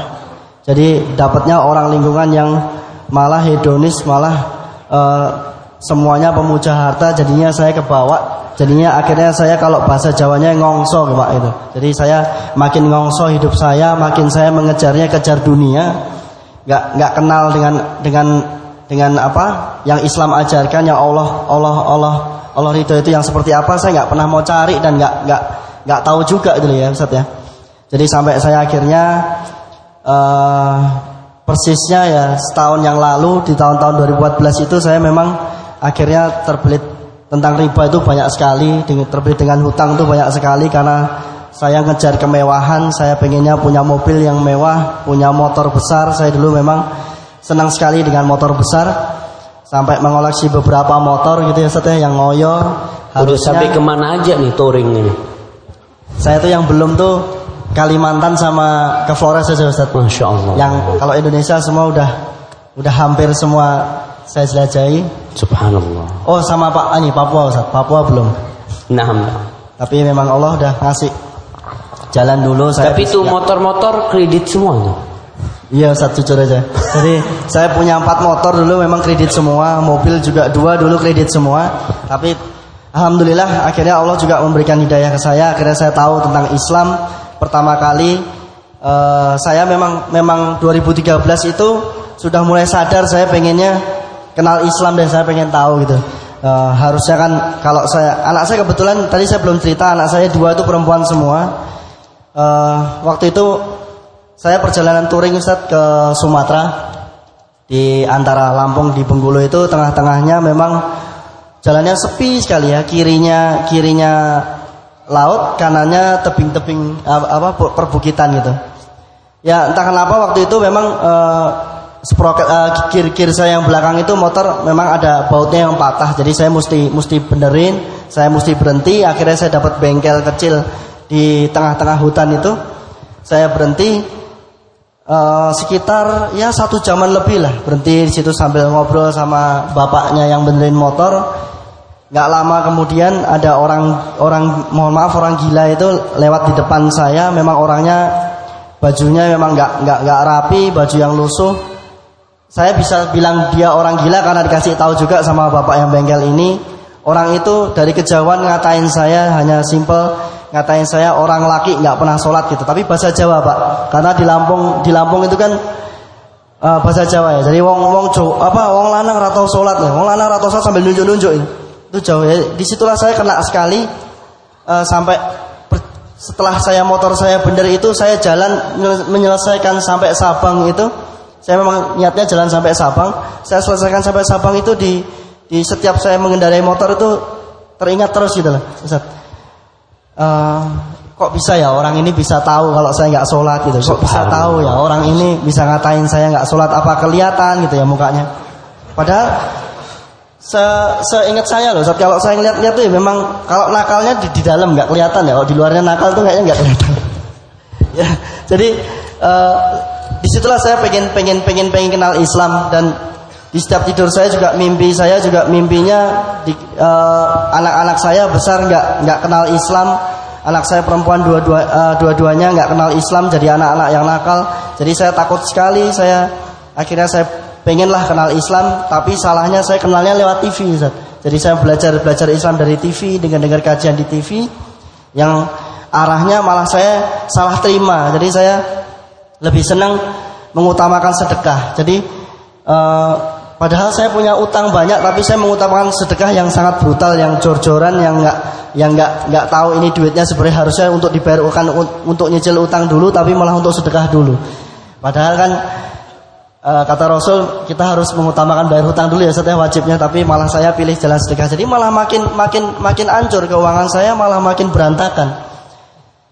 Uh, akhirnya saya uh, om saya, adiknya ibu saya, uh, beliau beberapa minggu yang lalu uh, sudah diambil Allah meninggal. Beliau sudah meninggal karena sakit kanker di paru-paru. Beliau yang mengenalkan saya uh, pertama itu ngasih link saya itu uh, kajiannya Ustadz Badrul Salam sama antum Ustadz Ustadz, uh, Ustadz Safik sama Ustadz Firanda waktu itu. Nah Ustadz Badrul itu mengajarkan tentang detailnya detailnya wudhu terus sampai bahas-bahas tentang uban uban itu nggak boleh dicabut gitu. Saya saya heran waktu itu tuh saya pertama pertama dengar kajian Ustad Ustad Ustad Safik, Ustad Badru itu saya tuh masya Allah ya Rasulullah SAW ini sampai ngajarin uban aja dibahas loh. Saya nggak tahu itu loh kok Islam tuh bisa bisa sedetail ini gitu loh. Ke mana aja saya dari kecil ini nggak tahu tentang Islam dan tahu-tahu tentang Islam bahasnya tuh sedetail itu banyak sekali sampai makan harus pakai tangan kanan masuk masjid keluar masjid ada adabnya masuk kamar mandi adabnya saya baru tahu itu gitu loh. Jadi se -se segede ini umur saya 33 34 waktu itu ya 34 dikasih ya alhamdulillah senang sekali dikasih jalan dari om saya itu dikasih link-link itu. Akhirnya saya mencari mencari kajian-kajian. Saya datang kajian antum Ustadz. Saya datang ke kajian-kajian Ustadz Ustadz Badru dan akhirnya saya bisa dikenalkan baik sama teman saya di Jakarta sama Ustadz Badru akhirnya bisa ngaji ngaji rutin sama beliau. Di situlah saya akhirnya sadar betul ternyata permasalahan saya adalah karena saya bermaksiat berasa nggak nggak nggak salah dan saya banyak meninggalkan Islam dan saya malah nikmat sekali menikmati riba. Saya baru sadar itulah salah saya. Jadi uh, alhamdulillah Ustaz, uh, sekarang ini Tinggal satu aja lagi riba saya yang yang yang saya selesaikan. Jadi mobil yang tadi saya ceritakan mobil nyicil dua-duanya, alhamdulillah saya jual pak. Rumah juga saya jual, yang masih kredit saya jual. Jadi motor saya juga yang empat kredit juga saya jual semuanya. Alhamdulillah buat nutup-nutup riba dan saya ada pinjaman juga di bank-bank yang saya dulunya berbangga-bangga untuk mengembangkan usaha saya. Alhamdulillah saya sekarang bisa satu persatu saya selesaikan. Meskipun masih ada, saya masih dalam tahap menuju menghilangkan riba itu. Jadi ternyata nikmat sekali Ustaz saya setelah kenal kenal kenal Islam ini ternyata rumah ngontrak pun tetap nikmat. Mobilnya biasa saja, mobilnya mobil yang sejuta umat pun ternyata juga nikmat juga kalau belinya cash. Enggak kredit gitu. Enggak ada kredit, enggak ada hutang. Jadi sekarang ya tiap bulannya sedikit lebih tenang, lebih seneng. Artinya sekarang ngejarnya ngejar Barokahnya Allah aja lah, ridhonya Allah aja gitu Ustaz. Subhanallah, subhanallah, barakallahu fikum. Tapi bicara masalah kehidupan dengan klub-klub moge gitu ya. Ah, apakah tetap ada sisa-sisa berantem dulu atau apa? Atau udah jadi lebih baik gitu kan? Enggak juga Ustaz. Karena saya malah tergoda lagi karena di Moge ini saya menjadi ketua-ketua di komunitas-komunitas di Jakarta. Salah satunya Ducati dan ada motor-motor adventure BMW. Saya saya jadi malah jadi pemimpin yang punya anak buah, artinya punya punya anggota. Uh, anggota ini bisa dibilang rajin sekali maksiat Ustaz. Jadi kalau touring malah mereka-mereka malah bermaksiat berzina. Uh, jadi malah saya malah akhirnya malah nggak nggak dikas nggak nggak nggak dapat lingkungan yang baik Ustaz. Jadi malah malah makin makin menjauhkan saya dari tapi Islam. kita sering dengar mogi-mogi biasanya mereka sosial, apa ke mana, bagi-bagi apa. Ya itu. itu juga yang yang yang kita lakukan. Artinya sosial jalan, maksiat jalan. Sedekah gitu. jalan, maksiat jalan juga Ustaz. Alhamdulillah, naudzubillah min sama seperti juga yang saya, saya lakukan kemarin kan Ustaz. Saya sebenarnya tahun 2000, 2013 sudah sholat dan udah umroh tapi haramnya masih jalan. Artinya ribanya juga masih jalan kan sama aja Ustaz. Jadi ya itulah yang yang yang yang banyak menyadarkan saya sekarang akhir akhirnya ya bisa bisa hijrah sekarang ini senang banget Ustaz. Alhamdulillah. Alhamdulillah, alhamdulillah. Ya, beliau nyebutkan tadi masalah tato. Tato ini sebenarnya dulu itu yang pakai tato hanya wanita. Tidak ada orang laki pakai tato. Ada perbedaan antara laki dan wanita. Wanita itu diciptakan kurang. Maka wanita dari kecil suka berhias. Allah mengatakan awaman yunasya'u fil hilyati wa huwa fil khisami ghairu mubin. Apakah pantas orang yang dibesarkan dengan perhiasan? Yang tidak bisa berbicara dengan lantang itu dijadikan anak-anak Allah. Karena orang-orang kafir mengklaim anak-anak Allah itu perempuan, malaikat itu perempuan-perempuan. Dan hadis Nabi larangan mentatu itu adalah larangan untuk kaum wanita. La'ana Rasulullah sallallahu alaihi wasallam al-washima wal. Rasul SAW melaknat wanita yang mentato dan yang minta ditato. Perempuan. Karena dari dulu memang yang pakai tato itu hanya perempuan. Perempuan itu kan merasa kurang, merasa kurang cantik, merasa kurang ini. Muncul lelaki-lelaki kemudian yang merasa kurang. Loh antum jangan lihat. Kita tanya beliau, kenapa beliau pakai tato waktu itu? Karena merasa itu menghiasi, membuat indah gitu kan. Ya, betul Ustaz. Iya. Orang tuh merasa aku kalau pakai tato ini kayaknya lebih indah dari yang lain. Subhanallah. Maka kekurangan di dirinya dia munculkan dengan menggambar di kulitnya. Wanita dulu ya biasanya wanita itu mentato supaya lebih cantik. Yang ditato wanita itu biasa alisnya. Dari zaman dulu. Antum kalau melihat ada wanita-wanita Arab tua-tua Badui yang dari Jazair dari mana itu biasanya mereka kalau haji itu pakai tato. Tatonya itu di sini ya. Jadi di pipinya dikasih tato, di sininya dikasih tato ya. Wallahu alam ketika saya melihat dia tua, ya jelek banget lah. Udah kayak gini orang kan kepingin pakai krim supaya bersih nggak ada item-itemnya ya dia kepingin. Ini sih kasih warna-warnanya nggak bakal bisa hilang. Maka itu dilaknat oleh Rasulullah Sallallahu Alaihi Wasallam orang yang melakukan itu karena termasuk merubah ciptaan Allah. Tapi tato ini tidak seperti cat yang menghalangi air untuk masuk itu kan tetap air itu itu masuk. Tapi mudah-mudahan dengan taubatnya masyarakat Allah mengampuni semuanya pemirsa. Masalah riba juga Allah itu mengumumkan perang kepada pelaku riba. Mengumumkan perang. Fa'dhanu biharbim minallahi wa rasulih. Kalian kalau berani perang sama Allah dengan riba itu. Dan riba ini adalah berasal dari orang-orang Yahudi dulunya.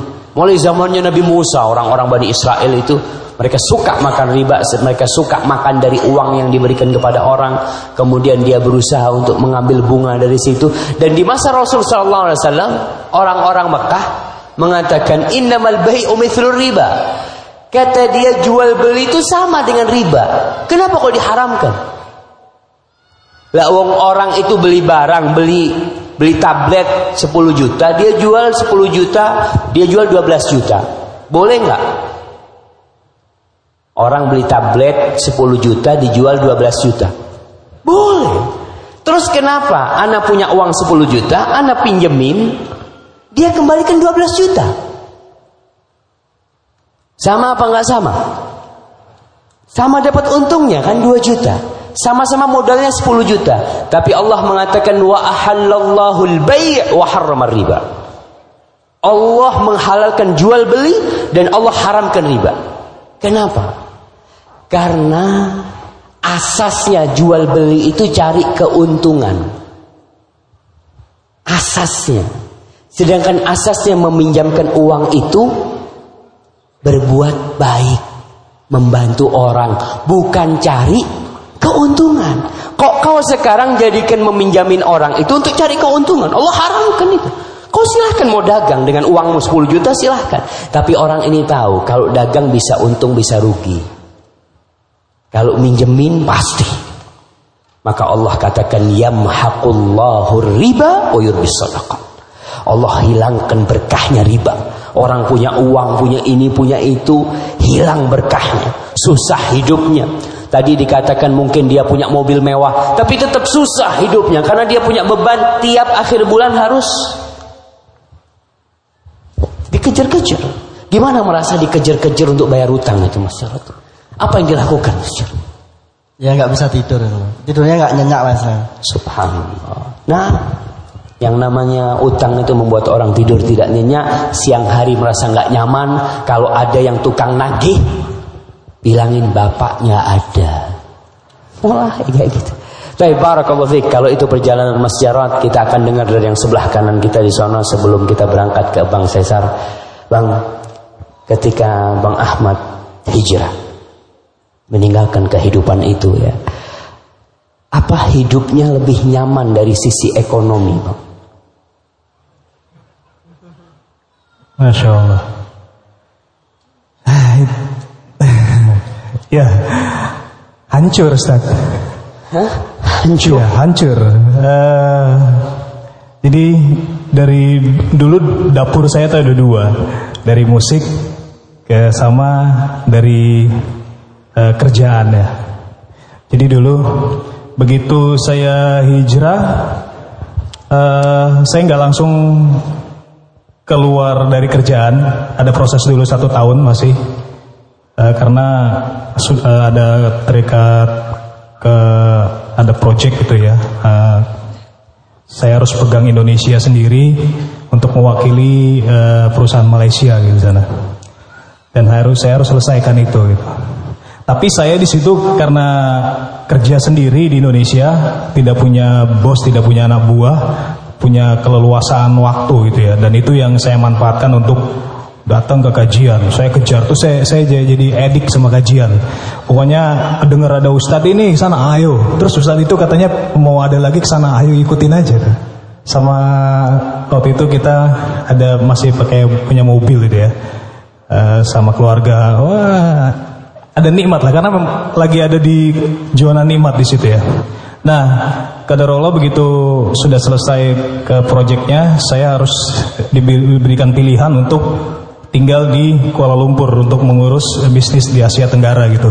Uh, karena saya merasakan lagi merasakan nikmatnya ada di masjid-masjid, saya belum tentu saya berpikir kalau saya tinggal di sana belum tentu ada kayak kajian di sini. Ini lagi nikmat banget nih, lagi ngerasa yang dulunya nggak pernah ngerasain gitu tuh sejuk, adem, ngelihat apa uh, hubungan sama orang tua jadi lebih baik, jadi uh, jadi akrab. Pokoknya serba syahdu lah ya, bahagia gitu.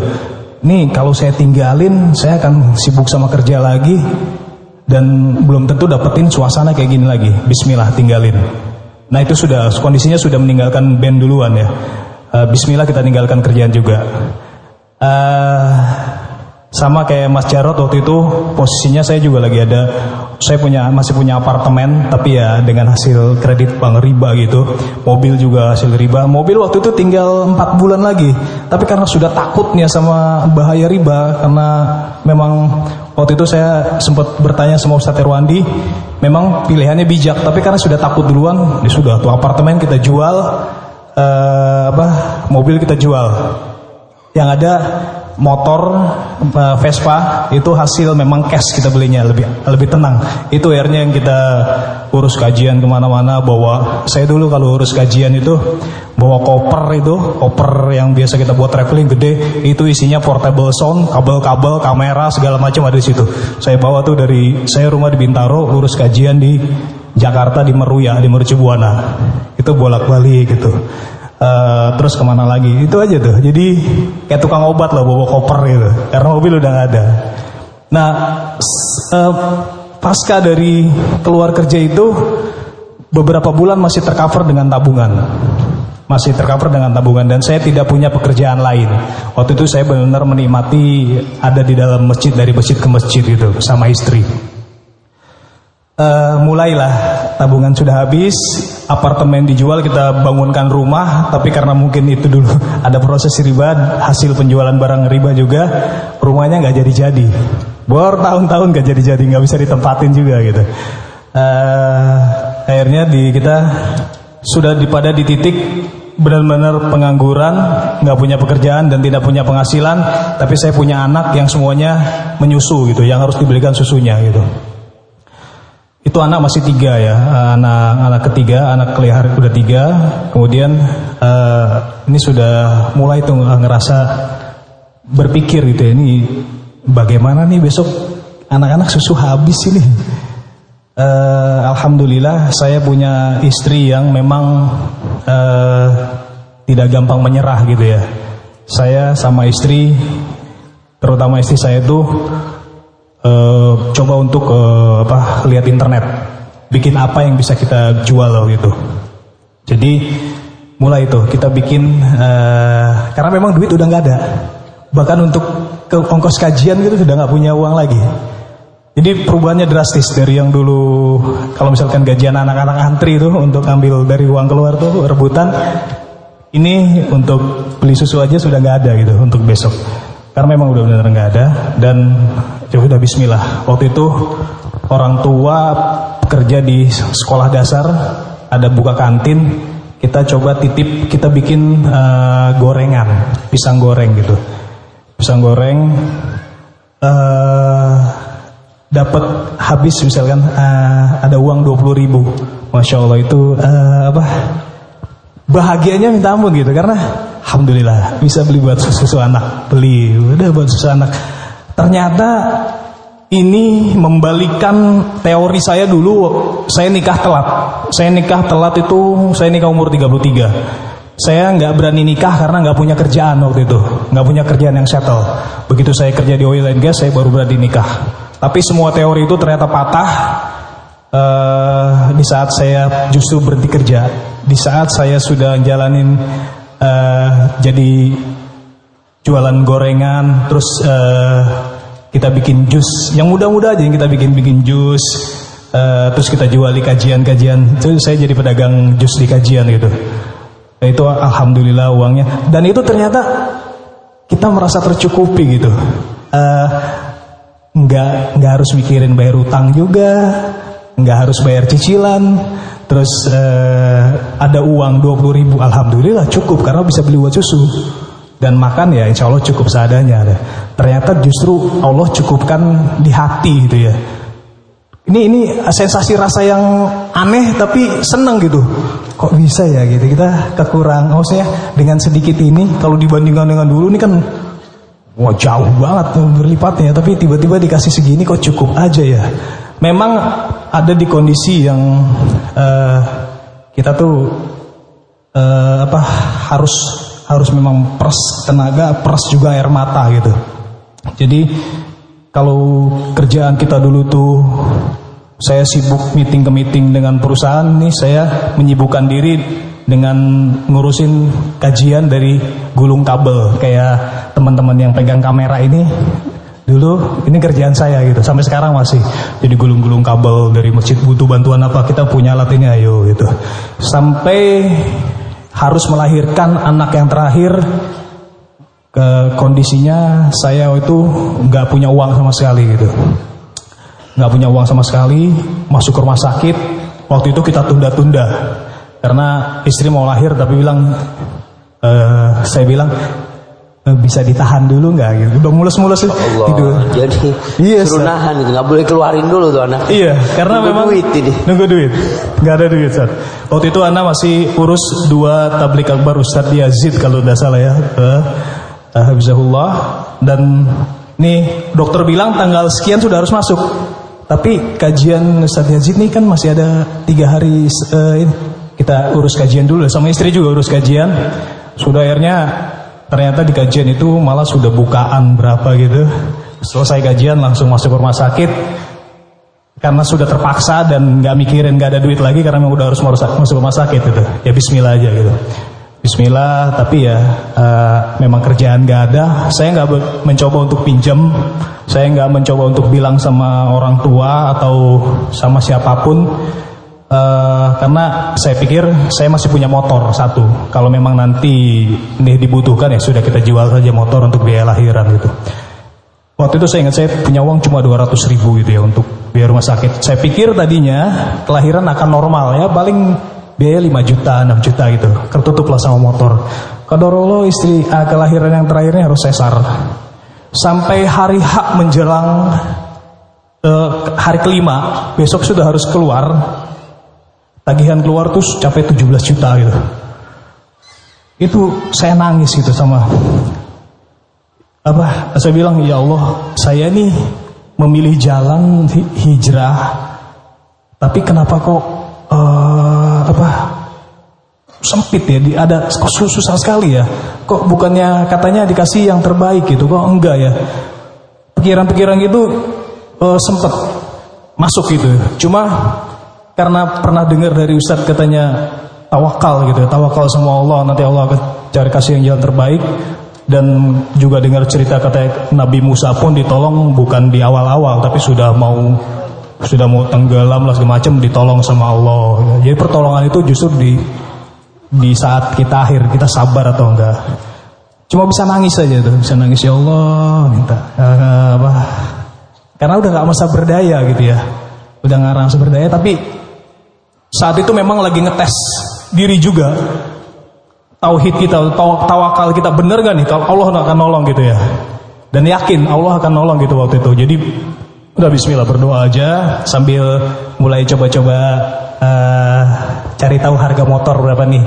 Kalau ini tolong di, dilepas saja besok mau keluar malam itu tagihan sudah keluar saya tuh nggak punya nggak pegang uang apa-apa gitu ya. Sudah cuma bisa nangis tapi masih berbesar hati karena punya motor kadarullah beberapa jam se- sebelum harus keluar ada temen tanya gitu ya Mat gimana kabar ya Alhamdulillah sehat Eh, karena dia tahu kita ngurusin gajian dan istri lagi masuk marah sakit gitu karena tunda-tunda eh, kelahiran Oke, eh, gimana rumah sakit? Beres sudah. Biaya gimana? Sudah berapa? Udah udah berapa yang tertutupi? Saya bingung jawabnya. Karena biasanya kan kalau gitu ada nanya kurangnya berapa gitu ya. Saya bilang karena kalau sudah seperti itu ya saya nggak nggak nggak malu lagi untuk ya apa adanya saya bilang nggak ya belum belum apa memang belum tertutupi apa apa memang nggak ada biaya apa apa gitu. Eh, Masya Allah eh, Saya nggak menyangka itu justru perkataan itu datang dari Teman saya yang juga sama-sama hijrah ya Sama-sama dulunya berandalan ya Gundal Tak sama dia juga hijrah. Harusnya dia datang hari ini Tapi kata dia nggak datang Dia bilang ya sudah berapa biayanya? Sekian sekian sekian. Dikasih lebihnya untuk biaya ini nah. Saat itu juga saya nangis, bukan nangis karena bersyukur sama teman ya. Saya cuma bisa berterima kasih sama dia, tapi karena ngerasain ternyata Allah tuh nggak buta, Allah tuh nggak tuli, Allah tuh nggak ngebiarin saya sendiri. Makanya dari situ saya sudah makin pegang itu bahwa Allah itu ada. Tinggal minta, tinggal ngadu sama Allah. Eh, apa pun yang kita minta, Allah nggak akan ngebiarin kalau memang kita benar-benar meninggalkan sesuatu itu karena Allah. Di situ saya akhirnya mendapatkan bukti yang paling besar dari proses hijrah saya Eh, sampai alhamdulillah istri bisa keluar dan kemudian dari yang hanya jualan eh, apa gorengan, jus dibukakan satu persatu tuh sama Allah. Dibukakan Eh, datang Wisnu, datang ke Wisnu dia kepengen akikah. Saya waktu itu belum punya bisnis akikah tapi punya hobi nyembeli karena punya hobi senjata tajam gitu ya. Ya sudah Bismillah sembelihin, dipromoin sama dia, jadilah sekarang eh, Abu Takot tukang akikah. Orderan datang gitu. Terus eh, ternyata dari belajar pisang goreng gitu kita coba ulik bagaimana belajar pisang kebuli. Alhamdulillah ternyata nasi kebuli kita happening gitu. Kebuli berontak kita bilangnya karena kebulinya enak pakai pete sama jengkol gitu. Dan semua pintu-pintu akhirnya dibuka terus sampai eh, yang paling yang paling terasa banget bahwa Allah memang akhirnya mengumpulkan saya dengan dan keluarga itu dengan orang-orang soleh bisa berkumpul sama teman-teman sama ustadz. Dan eh kadar Allah alhamdulillah ini eh, kajian kita nih buku ini dulu kita yang membantu untuk proses eh, apa per- eh, penerbitannya percetakannya. Dan Allah juga ternyata memudahkan jalan bagi saya dan keluarga untuk buku-buku berikutnya dari uh, ustadz-ustadz kita mempercayakan saya dari istri dan beberapa teman untuk uh, memegang proses semua penerbitan dan percetakan buku. Saya ngelihat bahwa Allah memang akan bukakan jalannya. Ternyata ya nanti aja, saya terserah Allah kasihnya asal kita sabar gitu. Jadi memang ada prosesnya Ustaz. Subhanallah, subhanallah. Terkadang sebagian orang berpikir ada satu firman Allah yang memang firman itu benar, cuma kita yang memahaminya kurang pas.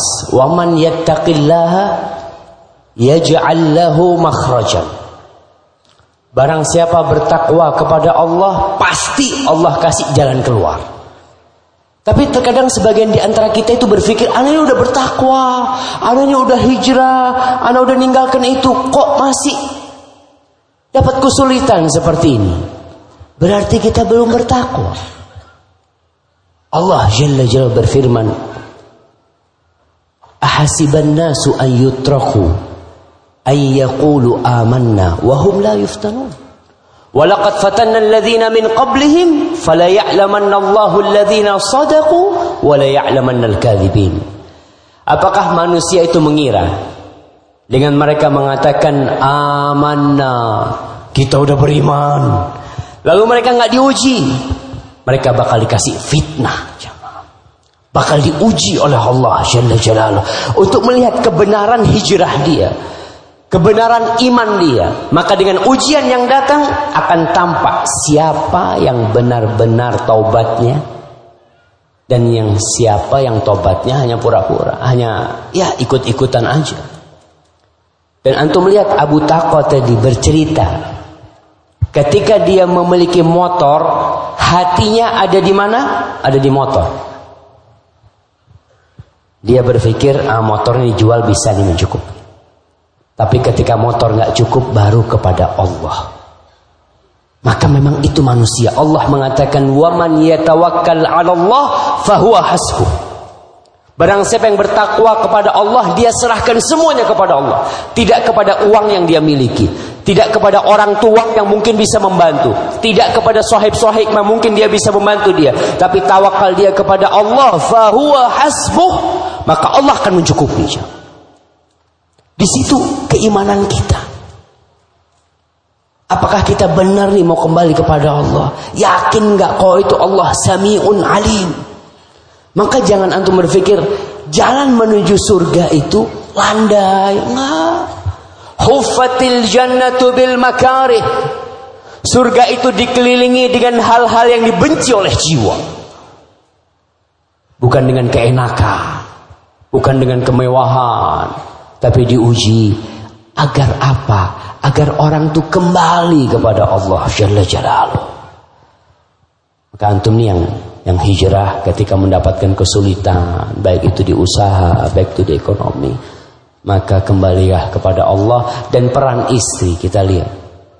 Istri yang juga menguatkan suami.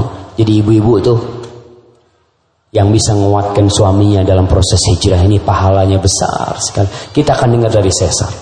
Bagaimana tatkala dia meninggalkan mobilnya, itunya semua berhijrah. Apa tambah gampang dapat duit itu, Iya. Saat saya menjual semua harta saya, mobil saya, rumah saya saya kasih orang tua saya bapak saya terus akhirnya saya tidak membawa suatu harta yang mungkin Allah berikan buat saya tapi saya tinggalkan semua karena mungkin ada kayak mobil itu pasti dalamnya ada ribanya saya jual mobil saya pada akhirnya semua yang saya dapatkan adalah tidak ada gitu kosong dan saat itulah saya saat, uh, berubah saya ngomong sama istri saya saya sudah meninggalkan semua saya tidak punya apa-apa saya tidak punya pekerjaan yang mungkin memadai, mungkin yang safety buat saya.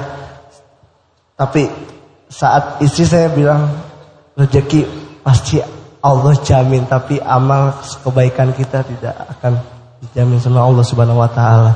Ternyata bahwa rezeki itu udah dijamin sama Allah. Dan akhirnya rekening saya emang nol. Yang tadinya luar biasa puluhan juta tapi sekarang nol dikuras. Allah menguras rezeki kita yang mungkin di dalamnya maksiat. Allah kuras. Dan Allah berikan keberkahan dengan cara berdagang.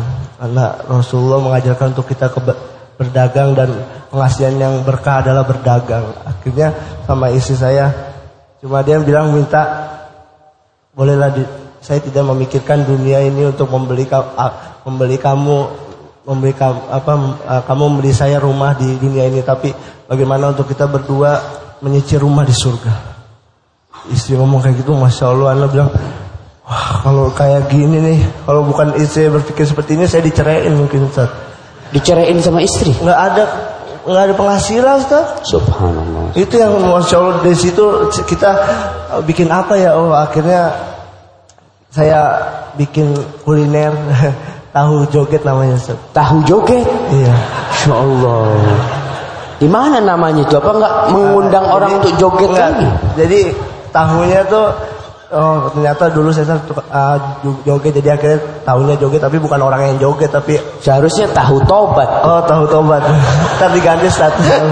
uh, akhirnya di situ diberikan benar benar Abu Takut diberikan diluaskan rezekinya saya dapat teman-teman yang soleh kayak Aki Jarot, Abu Tako, Ustaz juga semua orang-orang yang soleh mengingatkan saya bahwa oh, ternyata ya Allah dulu tuh saya dibebaskan Mungkin saya dibilang orang kafir karena di hadis riwayat Muslim bahwa adilnya sul mukmin wa jannatul kafir. Dunia ini adalah penjara buat orang mukmin dan surga buat orang kafir.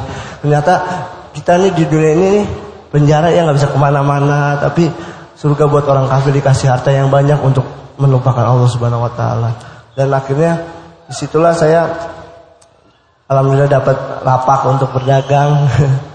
sama Aki Jarot juga dikasih lapak untuk kita berdagang di Depok dan Jatiwaringin alhamdulillah sama istri juga bikin Mickey Smile Ustaz. Apa? Mickey Smile. Ismail. Mickey Smile. Mike. Mickey Smile. Iya kan Ismail kan? Nah. Anak panggil Ismail anaknya Cesar itu. Iya. Jadi Abu Ismail. Ya, dari situ ya alhamdulillah berdua kita berdagang dengan Masya online Allah, online. Masya Allah. Alhamdulillah lancar Allah berikan umur. Baik, anak afan anak putus. Ketika meninggalkan itu, bagaimana keluarga? Bagaimana teman-teman? Iya.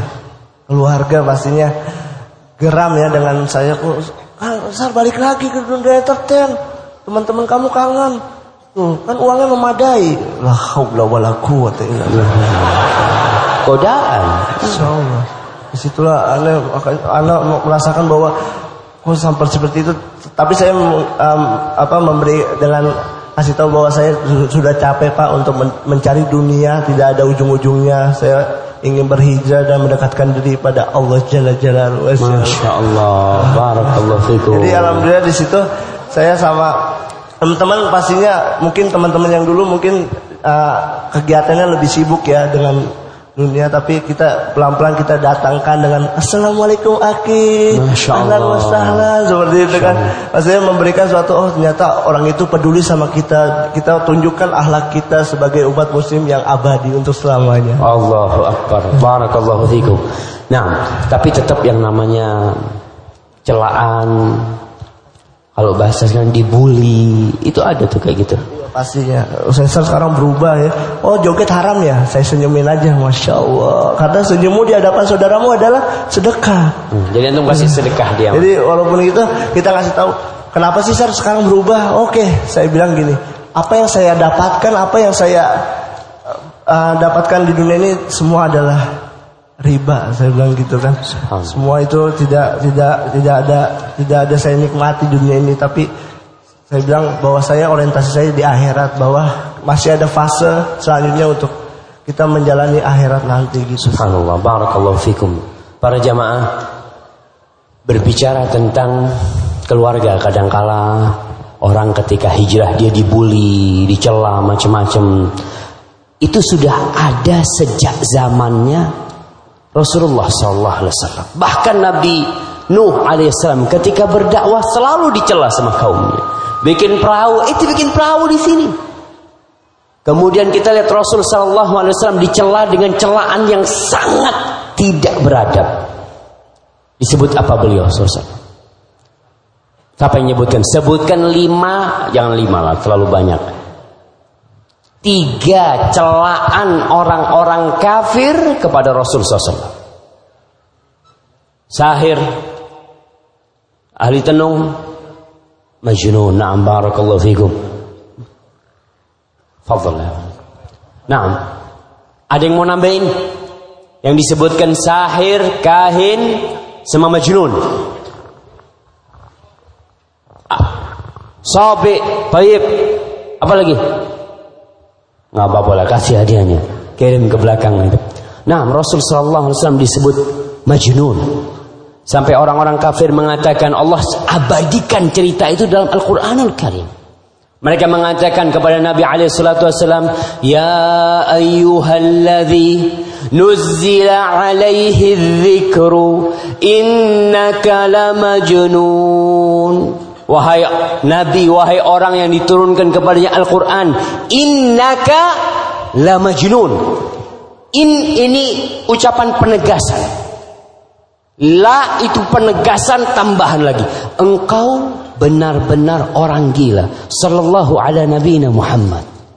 Dikatakan sahir, penyihir, tukang tenung, kahin. Dan dikatakan tadi sobi. Sobi itu orang yang keluar dari agamanya. Meninggalkan agamanya. Dan itu perjuangan. Mereka berusaha untuk mengembalikan kita dari jalan yang benar menuju ke jalan kesesatan itu. Tugas kita harus sabar. Antum pakai jenggot apa katanya orang-orang? Kambing. Kambing lagi lewat nih. Cingkrang. Allahu Akbar. Kesian nih orang kebanjiran terus padahal musim kering sekarang. Macam-macam. Anda mau tanya sama Mas Jarod. Mas Jarod ketika hijrah selesai meninggalkan riba, meninggalkan itu. Bagaimana dengan keluarga dan teman-teman? Apakah mereka mendukung? Kita bicara yang dulu. Keluarga yang dulu, teman-teman yang dulu. Ketika melihat perubahan di Mas Jarot ini, apa yang terjadi?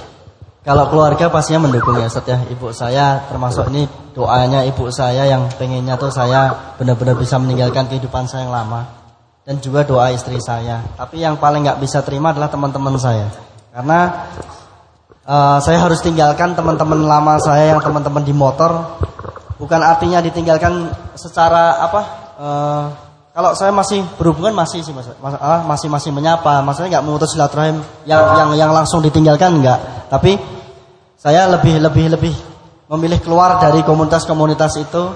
Jadi status sosial saya juga saya saya tinggalkan yang dulu-dulu tapi teman-teman dekat saya banyak yang kaget awalnya. Tapi karena saya nggak nggak nggak pilih untuk mendakwahkan apa yang saya sudah saya sudah jalani tapi saya pilih mencontohkan saja setiap akhirnya. Tapi alhamdulillah sekarang teman-teman saya sudah merasakan apa ya eh, perubahan saya yang yang yang yang dulunya mungkin kasar yang dulunya ngomong banyak mencelanya dan eh, temperamen ya karena saya memang orangnya temperamen emosi akhirnya saya sekarang katanya loh Ustaz ya, ya sedikit lebih baik, lebih sabar. Jadi ya saya senang sekali diterima kembali. Tapi memang saya menjauhi teman-teman yang yang yang yang dulu-dulu ya, yang yang membawa kemaksiatan saya jauhi memang Ustaz. Alhamdulillah digantikannya sekarang teman-temannya yang yang yang bisa menyemangati saya untuk istiqomah di jalannya Allah ini. Saya senang sekali Ustaz. Jadi lingkungannya ganti ya. Allah tuh ganti. Jadi memang harus ganti lingkungan nih. Kalau kita lihat tadi Abu Takwa juga berubah, sohib-sohibnya, Sesa dan Mas Jarod sendiri lingkungannya berubah sama sekali. Berubah, Ustaz. Bahkan sampai kesenangan-kesenangan saya yang dulu yang gak ada manfaatnya, kesenangan saya tentang dunia, itu Allah ya membalikkan hati saya benar-benar gak udah udah benar-benar gak seneng lah. Yang dulunya tuh apa-apa yang dilihat majalahnya motor, yang dilihat YouTube-nya motor, apa-apa semua yang saya lihat motor. Tapi sekarang Ya Allah malah ngasih saya buat cari ilmu terus jadi ya kalau buka YouTube ya semuanya kaji. Allahu akbar. Allahu akbar. Barakallahu fikum subhanallah ya. Para jemaah tetap mereka yang hijrah itu harus merubah lingkungan. Dia tidak bisa hijrah tetap di lingkungan yang seperti itu kecuali dia bisa mewarnai. Maksudnya, anak tetap di sini, anak akan rubah semua di sekitar anak. Kalau kau kuat nggak apa-apa, tapi terkadang balik lagi dia sama sahib-sahib yang seperti itu. Ingat dengan kisah orang yang membunuh 99 orang. Dia bunuh 99 orang. Kemudian tanya kepada seorang alim ulama, "Hali min taubah?" Mungkin nggak aku bisa tobat? Kau sudah bunuh 99 orang. Ingat bakalan diterima tobatmu. Namanya orang mau tobat, mau baik, ketemu orang yang salah. Apa kata orang ini kalau aku nggak bisa bertobat ya udah aku lengkapin aja 100. Dibunuh tuh kiainya. 100. Kemudian dia tanya kepada alim ulama lainnya. Kata dia, apa yang menghalangimu dari pintu taubat? Tapi dengan syarat satu, kau tinggalkan kampungmu. Kau tinggalkan masyarakatmu. Soalnya kalau kau balik ke sana, kau akan tetap terpengaruh. Kau berangkatlah ke kampung yang baik.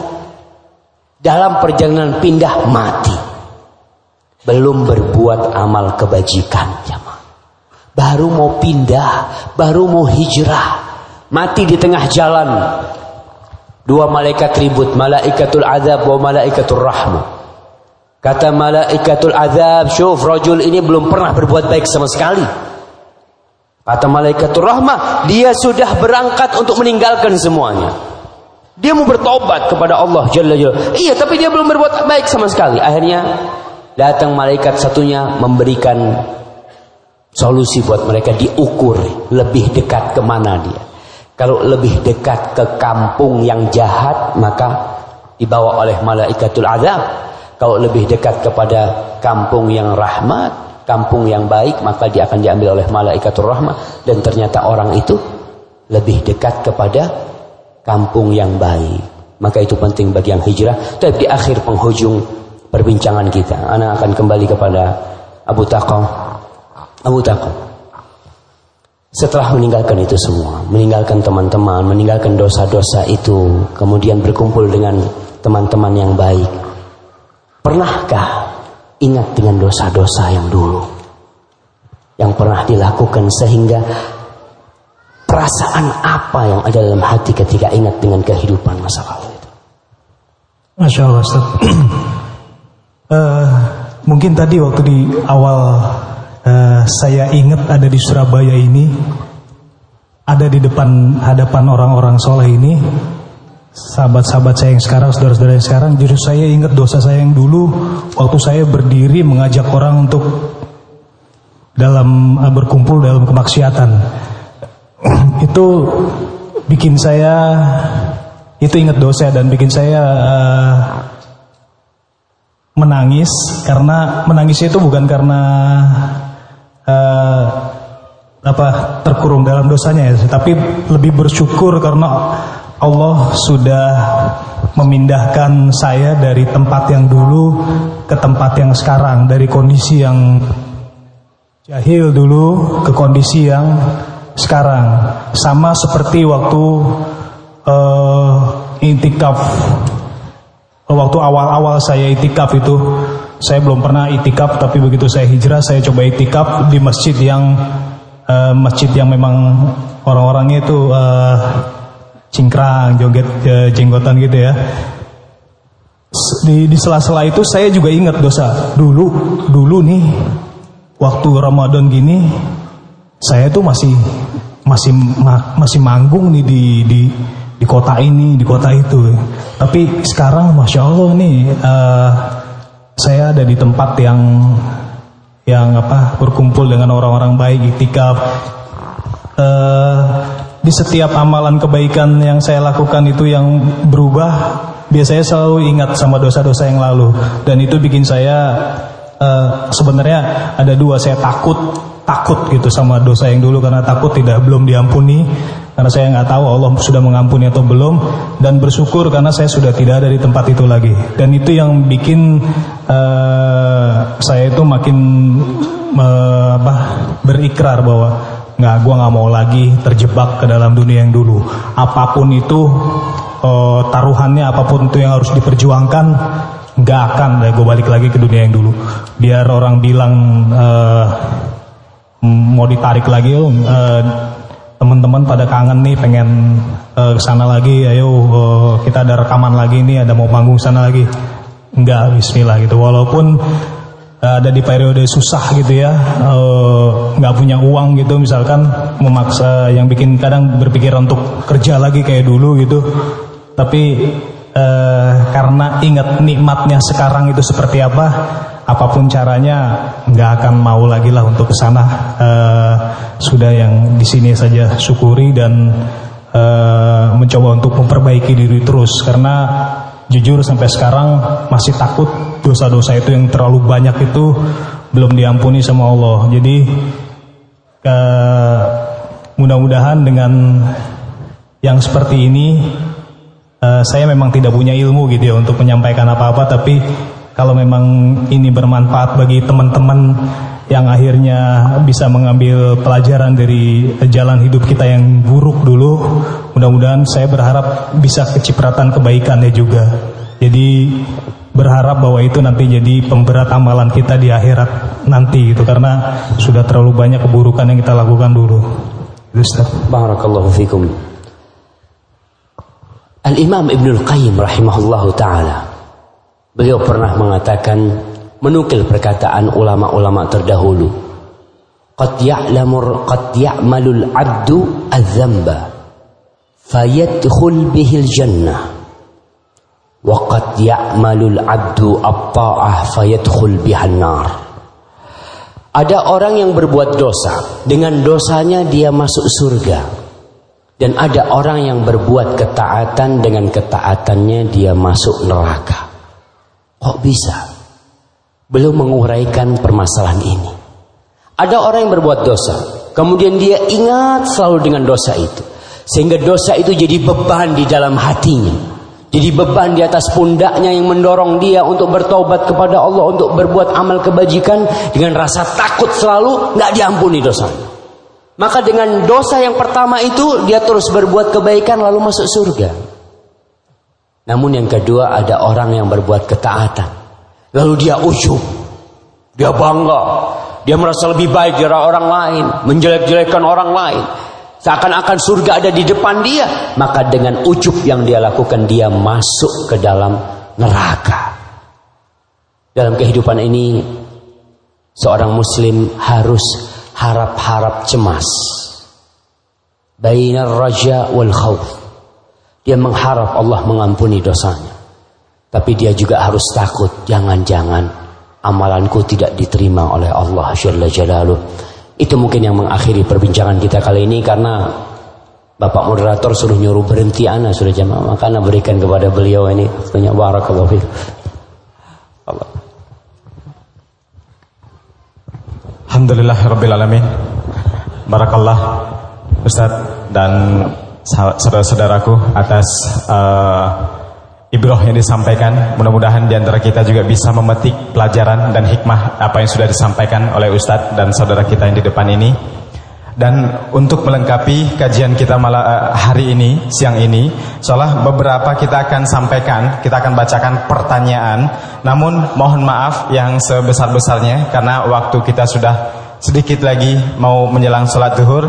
Pertanyaan kita akan saring kita akan saring empat di akhwat dan empat di ikhwan dan kita akan pilih pertanyaan yang memang berkaitan dengan tema kita hari ini. Insyaallah. Mohon maaf yang sebesar-besarnya ketika ada pertanyaan yang belum kami bacakan. Yang pertama ini yang dari bapak-bapak beliau menanyakan uh, tentang kajian kita hari ini. Apakah boleh kita mengungkit aib atau menceritakan aib kita yang dulu pernah kita lakukan. Gitu Ustaz. Apakah tidak termasuk uh, kena hadis yang melarang mengumbar aib seperti itu Ustaz? Nah. Mohon dijelaskan. Subhanallah jemaah. Betul. Rasul sallallahu alaihi wasallam mengatakan kullu um kullu ummati mu'afa illa al-mujahirin. Semua umatku itu dimaafkan dosanya. Kecuali orang yang berbuat dosa terang-terangan. Wa minal mujaharah. Dan termasuk berbuat dosa terang-terangan. Berbuat dosa terang-terangan itu minum di pinggir jalan, ya, berzina di pinggir jalan, ya, melakukan kegiatan yang dilihat sama orang.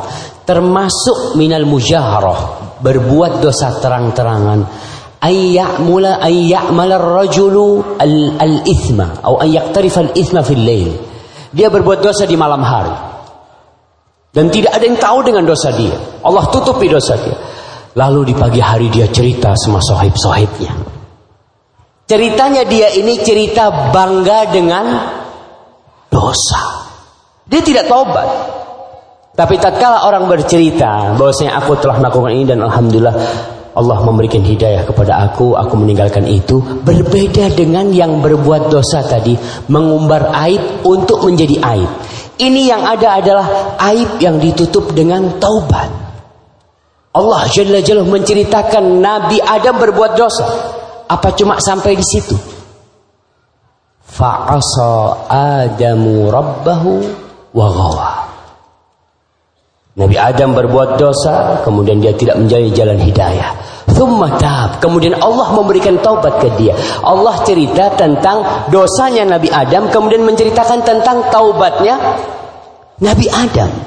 Yang kita bahas hari ini adalah tentang orang yang dulu berbuat dosa dan tidak ada kita ceritakan detail macam-macam enggak secara umum, kemudian mereka kembali kepada Allah Jalla Jalal. Jadi perbedaannya orang yang mengumbar aib itu mengumbar aib untuk ya untuk bangga dengan dosanya tanpa dia bercerita tentang taubat dia. Namun orang yang bertobat ketika dia datang kepada seorang ustadz, ustadz anak telah berbuat ini itu macam-macam untuk meminta fatwa umpamanya, itu tidak ada masalah, tidak termasuk mengumbar aib seperti dalam hadis itu. Hada wallahu a'lam bissawab. Nah, Ya, berikutnya mudah-mudahan cukup menjawab. Dan untuk pertanyaan berikutnya adalah ada seorang suami ingin mengajak uh, seorang suami istrinya ini ingin hijrah untuk memakai nikob. Nah, uh, seorang suami ini bertanya dasarnya apa? Apakah hukumnya? Gitu, Ustaz. nah. Kita mau bisa jadi kajian satu jam ini berkaitan dengan seorang yang hijrah maka dituntut orang yang hijrah itu untuk menuntut ilmu sehingga dia tidak beramal kecuali ada dasar. Kita tahu dengan sebuah bab di dalam kitab Sahih Bukhari. Apa bab yang ada di situ? Masya Allah. Nah Masya Allah. Babun al-ilmu qabla al-qawli wal-amali kasih itu Babun al-ilmu qabla al-qawli wal amal. Bab tentang berilmu dulu sebelum beramal, sebelum berucap dan beramal. Dan ini pertanyaan yang bagus. Kita pun yang hijrah hati-hati milih kajian. Kita juga harus tahu, nih kira-kira benar nggak ini sesuai dengan Al-Quran dan Sunnah Rasul Sallallahu Alaihi Wasallam dan sesuai dengan pemahaman para salafus saleh, para sahabat Nabi. Jangan-jangan kita memang meninggalkan ada orang-orang yang meninggalkan kemaksiatan dosa nih yang berurusan dengan syahwat. Dia bertobat, meninggalkan zina, meninggalkan macam-macam. Kemudian dia berpindah menjadi orang yang taat tapi ikut aliran Ahmadiyah umum. Atau ikut Syiah umum seperti itu. Akhirnya dia dari yang dulunya merasa berbuat dosa kemudian berpindah kepada yang merasa benar. Orang kalau merasa benar susah akan dapat dapat taubat. Ketika dia merasa enggak, mamanya tentang kawin mut'ah. Kawin mut'ah ini dapat surga. Dulu aku berzina, iya dosa. Sekarang ibadah. Jadi rusak akhirnya. Makanya ilmu sebelum berkata dan beramal itu penting sekali. Berkaitan dengan Apakah hukum cadar itu sendiri? Kalau kita melihat memang tidak ada nas-nas yang sarih di dalam Al-Qur'anul Karim atau dalam sunnah Rasul sallallahu alaihi wasallam yang menyatakan bahwasanya wanita itu wajib menutup wajahnya. Allah mengatakan wal yudnina bijalabibihinna ala juyubihinna. Hendaklah mereka me, meletakkan atau melepaskan kerudung mereka itu di atas leher mereka. Dari ayat ini sebagian ulama mengatakan bahwasanya arti melemparkan atau menjatuhkan kerudung itu dari wajahnya ke ke dadanya sehingga wajah tertutup. Sebagian ulama tidak, itu tidak ada di situ Kesimpulan bahwasanya menutup wajah tapi menutup dada. Maka nggak boleh orang pakai kerudung diikat ya. Kemudian dadanya di lihat sama orang kan model sekarang tuh kerudung-kerudung yang diikat di lehernya sampai ketekek gitu ya. Kemudian dadanya ditunjukkan kepada orang. Kemudian wanita-wanita sahabat istri-istri Nabi pakai niqab. Oleh karena itu orang yang mau berangkat haji yang mau berihram. Apa kata Nabi alaihi salatu wasallam wala tantaqibul mar'ah perempuan ketika dia mau berihram nggak boleh pakai niqab. Di sini disimpulkan bahwa kebiasaan wanita-wanita salaf itu pakai niqab. Makanya dilarang. Wanita yang mau ihram nggak boleh pakai niqab. Jadi memang ada khilaf di antara para ulama berkaitan dengan hukum niqab ini sebagian mengatakan wajib sebagian mengatakan itu sebuah fadilah sebuah keutamaan Dan Anda melihat pakai cadar ini memiliki banyak kelebihan sebenarnya. Kalau kita bisa ya. Kelebihan pertama, perempuan itu suka bersolek. Suka merias wajahnya. Kalau dia nggak pakai kom, dia nggak bisa bersolek. Karena beriasnya dia akan dinikmatin oleh orang dan dilarang dalam Islam. Jadi perempuan ini boleh nggak nutup wajahnya, tapi tetap nggak boleh bersolek ya. Pakai merah pipi, pakai apalah macam-macam. Karena tujuannya kau keluar itu ya supaya kau dijaga sama Allah, nggak dilihatin orang. Kok malahan dia mengumbar wajahnya untuk dilihat orang. Orang yang pakai niqab bisa bersolek. Dia bisa pakai macam-macam, pakai cadar. Kemudian di majelis ilmu nih dia buka. Gaya dia kelihatan itu. Anak cantik kan gitu. Boleh perempuan itu memang suka dipuji. Perempuan itu memang ingin menunjukkan dia tuh cantik. Yang pertama harus memujinya adalah suaminya. Tapi terkadang dia sama sohib-sohibnya, sama perempuan-perempuan itu. Makanya kalau kita di beberapa negeri itu, tempat bertamunya perempuan sama lelaki, itu dibedakan. Karena perempuan pada pakai niqab, pada pakai cadar. Ketika dia ke tempat bertamu perempuan, itu semua dibuka. Abayanya dia buka, kerudungnya dia buka. Karena halal mama perempuan nih. Maka di situ dia bisa mengapresiasikan keinginan dia untuk untuk bersolek ya. Mungkin seperti itu berkata. Wallahu a'lam Alhamdulillahirabbil alamin. Bapak Ibu, kita sudah sampai di penghujung acara Ustaz. Hah? Sebentar Udah ya. selesai. Jam berapa kita zuhur tadi, Pak? Oh, 11.26 ya. Masih ada beberapa pertanyaan lagi. Siap. Saya salah lihat jam. 11.26 ya. Insyaallah masih leluasa. Kayaknya bisa kita bahas lebih dari empat ikhwan dan empat ahwat. Satu lagi Ustaz, berikutnya masih dari uh, saudari kita. Ustaz, bagaimana orang yang punya dosa dulunya pernah melakukan dosa yang sangat besar? Uh, di sini sebutkan dosa zina. Tapi beliau sudah taubat dan sudah melakukan uh, beliau sudah melakukan taubatan nasuha. Dan bagaimana kira-kira diampuni tidak? Itu. Terus bagaimana kisah wanita uh, pelacur yang memberi mak minum seekor binatang dan dijamin atau dikatakan masuk surga? Nah ini mungkin uh, boleh dijelaskan juga Ustaz. Subhanallah. Berkaitan dengan dosa zina, Allah Jalla Jalal mengatakan wala taqrabuz zina. Innahu kana fahishatan wa sa'a sabila. Kalian jangan mendekati zina. Mendekati tidak boleh. Jadi kalau kita berbicara larangan berzina itu bukan larangan jangan berzina. Kenapa? Karena ternyata zina ini memiliki langkah-langkah yang mengantarkan orang berzina. Jadi seorang muslim dilarang untuk mendekati setan pinter. Setan itu nggak ngajak, eh yuk kau berzina. Enggak. Eh itu ada cewek itu kau mungkin mau ta'aruf. Ta'aruf. Assalamualaikum. Waalaikumsalam.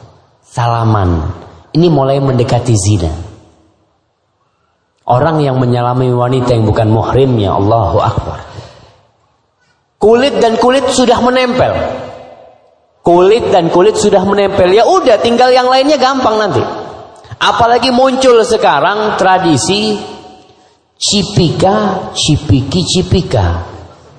Iya. Cium pipi kiri, cium pipi kanan. Dan itu na'udzubillah. Ini pintu zina yang besar sekali. Kalian kalau di sebuah pertemuan ya, ini ada orang-orang ketemu sama perempuan, lalu dia cipiki-cipika, ditanya, eh siapa fulana? Istrinya sohib anak. Istri sohib ente? Iya kata dia. Jadi sudah mulai batasan-batasan itu hilang.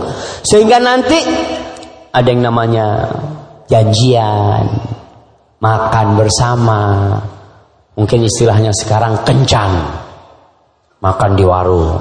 Setelah itu akan ke zina. Allah larang wala taqrabu zina, jangan dekati zina dan itu termasuk dosa yang besar sekali. Bagaimana dengan orang yang dulu pernah berzina? Rasul sallallahu alaihi wasallam mengatakan kullu bani Adam khata. Semua anak cucu Adam itu khata, pelaku dosa. Semuanya. Jadi jangan sampai ada yang sok suci nggak pernah berbuat dosa. Kullu bani Adam khata. Itu sudah takdir Allah buat kita. Wa khairul khata'in at-tawwabun. Masya Allah. Kayaknya kita disuruh berhenti jemaah. Tanda-tanda. Taib wa khairul khata'in at-tawwabun. Sebaik-baiknya orang yang berbuat dosa adalah orang yang kembali kepada Allah Jalla. Penghuni surga itu bukan orang yang tidak pernah berbuat dosa. Jadi jangan merasa, oh aku ini kayaknya nggak pernah berdosa. Atau merasa aku ini berbuat dosa, kayaknya nggak bakal masuk surga. Penghuni surga itu berbuat dosa. Allah mengatakan, walladzina idza fa'alu fahishatan aw zalamu anfusahum dzakarullah فاستغفروا لذنوبهم ومن يغفر الذنوب إلا الله ولم يصروا على ما فعلوا وهم يعلمون Allah mengatakan dan penghuni surga adalah orang-orang yang apabila mereka berbuat dosa berbuat fahisyah fahisyah ini dosa besar berkaitan dengan zina wala taqrabu zina innahu kana fahisyah au anfusahum atau orang-orang ini mendolimi diri mereka melakukan dosa besar atau melakukan dosa-dosa kecil. Zakarullah, mereka ingat kepada Allah. Ingat ya Allah. Zakarullah fastaghfaru lidzunubihim. Lalu mereka memohon ampun atas dosa yang mereka lakukan. Walam yusirru ala ma fa'alu. Wahum ya'lamun. Mereka tidak berbuat dosa terus-terusan. Udah kembali kepada Allah dan tidak ya udahlah anak udah kadung kecebur terus melakukan dosa yang seperti tentunya tidak. Lalu bagaimana dengan tuh perempuan yang pernah berzina atau lelaki yang pernah berzina? apa kiranya taubatnya akan diterima? Insya Allah tapi kita harus tahu Allah berfirman man ya'mal su'an laysa bi amaniikum wala amani ahli kitab. Man ya'mal su'an yujza bihi wala yajid lahu min dunillahi waliya wala nasira. Bukan dari angan-angan kalian atau angan-angan ahlul kitab yang mereka merasa dosa bisa ditebus dengan apa? Dengan keinginan mereka. Man ya'mal su'an. Barang siapa berbuat dosa yujza bihi. Pasti Allah balas. Pasti. Tatkala ayat ini turun, para sahabat yang senior, yang senior. Keberatan. Mereka merasa susah dengan ayat ini. Abu Bakar As-Siddiq yang dijamin masuk surga takut dengan ayat ini. Apalagi kita aja. Barang siapa berbuat dosa pasti dibalas. Maka Abu Bakar datang kepada Rasul sallallahu alaihi wasallam mengatakan, "Ya Rasulullah, Wa inna la mu'akhadun. Ana lupa. Perkataan Abu Bakar, tapi yang maknanya kalau kita ini diberi sanksi dengan setiap dosa yang kita lakukan, nahlak. Habis kita, hancur kita. Karena nikmat yang Allah berikan banyak dan dosa yang kita lakukan terus. Kalau setiap kita berbuat dosa diberi sanksi sama Allah, habis kita. Abu Bakar tahu bahwa sanksi dari Allah itu berat. Allah mengatakan Nabi ibadi anni anal ghafurur rahim. Muhammad informasikan kepada seluruh hamba-hambaku bahwa aku adalah zat, adalah Rabb yang ghafur rahim, yang maha pengampun dan maha pengasih. Wa anna azabi huwal azabul alim. Dan azabku adalah azab yang pedih. Abu Bakar tahu. Makanya orang yang takut kepada Allah adalah orang yang berilmu. Tapi orang yang nggak kenal sama Allah akan mengentengkan dan meremehkan Allah Jalla Jalaluh. Maka nih Abu Bakar tanya, kalau dengan setiap dosa yang kita lakukan Allah kasih sanksi, Allah hukum kita, habis kita, hancur kita. Kemudian apa kata Rasul SAW? La ya Abu Bakar, awatamrat, awatansok. Bukankah engkau itu sakit, merasa lelah ya, engkau kena musibah, susah. Iya Rasulullah SAW, itulah yang menjadi kafarat buat orang mukmin. Jadi orang yang berbuat dosa, ketika dia bertobat kembali kepada Allah, dia akan merasakan sesuatu penghapusan dosa. Ada penghapusan dosa. Tadi dengan cara kita sakit, ya. dengan cara kita gunda, susah, itu proses untuk penghapusan dosa. Jadi ukti kita yang pernah bersina, bertobatlah kepada Allah dan siap menghadapi sanksi dari Allah. Tapi jangan minta dikasih sanksi ya Allah. Terus bertobat. Lalu gimana Ustaz dengan cerita tuh perempuan? Nah, perempuan yang ngasih minum seekor anjing. Subhanallah. Allah itu Rahman Rahim. Kita kasih satu, Allah kasih tujuh ratus. Kita berbuat dosa, Kata Rasul sallallahu alaihi wasallam, qala Allah azza wa jal Allah berfirman, "Ya ibn Adam, wahai anak Adam, law ataitani bi qurabil ardi khati'atan, thumma ataitani la tusyriku bi syai'an, la ataituka bi qurabiha maghfiratan." Wahai anak Adam, andai kata engkau datang mendekati aku dengan sepenuh bumi ini dosa. Sepenuh bumi ini dosa. Kemudian engkau datang menjumpai aku tanpa pernah berbuat kesyirikan, la ataituka bi qurabiha maghfiratan. Aku akan datangkan dengan sepenuh bumi itu ampunan. Ya ibn adam innaka ma da'utani wastaghfartan ghafartu laka ala ma kana minka. Ya ibn adam kau itu selama engkau itu berdoa mohon ampun kepada aku aku akan ampun. Itu perempuan di padang pasir. Nggak ada orang yang melihat yang ada di padang pasir itu hanya dia bersama anjing. Dan Allah Jalla Jalla di atas arsy dia setelah minum dia lihat anjing itu menjilat-jilat pasir karena tanah ya karena kehausan. Maka perempuan ini kesian sama tuh anjing. Anjing ini ciptaan siapa? Ciptaan Allah Jalla Jalla maka dia turun Kemudian dia ambilkan air, dalam riwayat dia ambil air pakai sepatunya, pakai khuf, kemudian dia gigit, dia naik dan dia berikan kepada anjing itu. Anjing bisa mengatakan terima kasih. Nggak bisa. Bisa dia riak sama anjing? Nggak bisa. Di sini Ibnu Qayyim menjelaskan bagaimana keikhlasan nih perempuan beramal. Kemudian Allah ampuni dosa. Ketika Allah ampuni dosanya, bukan berarti dia tetap jadi pezina. Perlu diingat. Kadang-kala kita memahami haji, oh jadi enak ya dengan dia ngasih minum anjing, dia berzina terus diampuni dosanya. Tidak. Itulah ampunan Allah. Allah memberikan ampunan kepada kita. Salah satu bentuknya itu kita meninggalkan dosa itu. Sehingga orang itu sudah tidak kembali meninggalkan dosa. Di hatinya dia benci dengan zina. Di hatinya dia benci dengan dosa-dosa yang pernah dia lakukan. Itu salah satu bentuk ampunan Allah kepada kita. Tapi seorang mukmin tetap dia harus cemas-cemas harap ya, harap-harap cemas. Wallahu a'lam Seperti itu kira. Alhamdulillah. Cukup jelas, mudah-mudahan bisa terjawab. Insyaallah berikutnya pertanyaannya adalah ini ada yang uh, ahwat ini hijrah. Terus dia menggunakan pakaian yang syar'i. Tetapi dia dianggap aneh. Dianggap uh, teroris dan segala macam. Nah, sikap ahwat ini supaya tetap kuat, tetap istiqomah? Bagaimana Ustadz mungkin tipsnya? Masya Allah jemaah. Ya tadi kita lihat bagaimana seorang yang hijrah itu yang meninggalkan dosa-dosanya wal muhajir man Allah anhu. Kata Nabi seorang muhajir, seorang yang hijrah adalah seorang yang meninggalkan segala sesuatu yang dilarang sama Allah Jalla Jalla.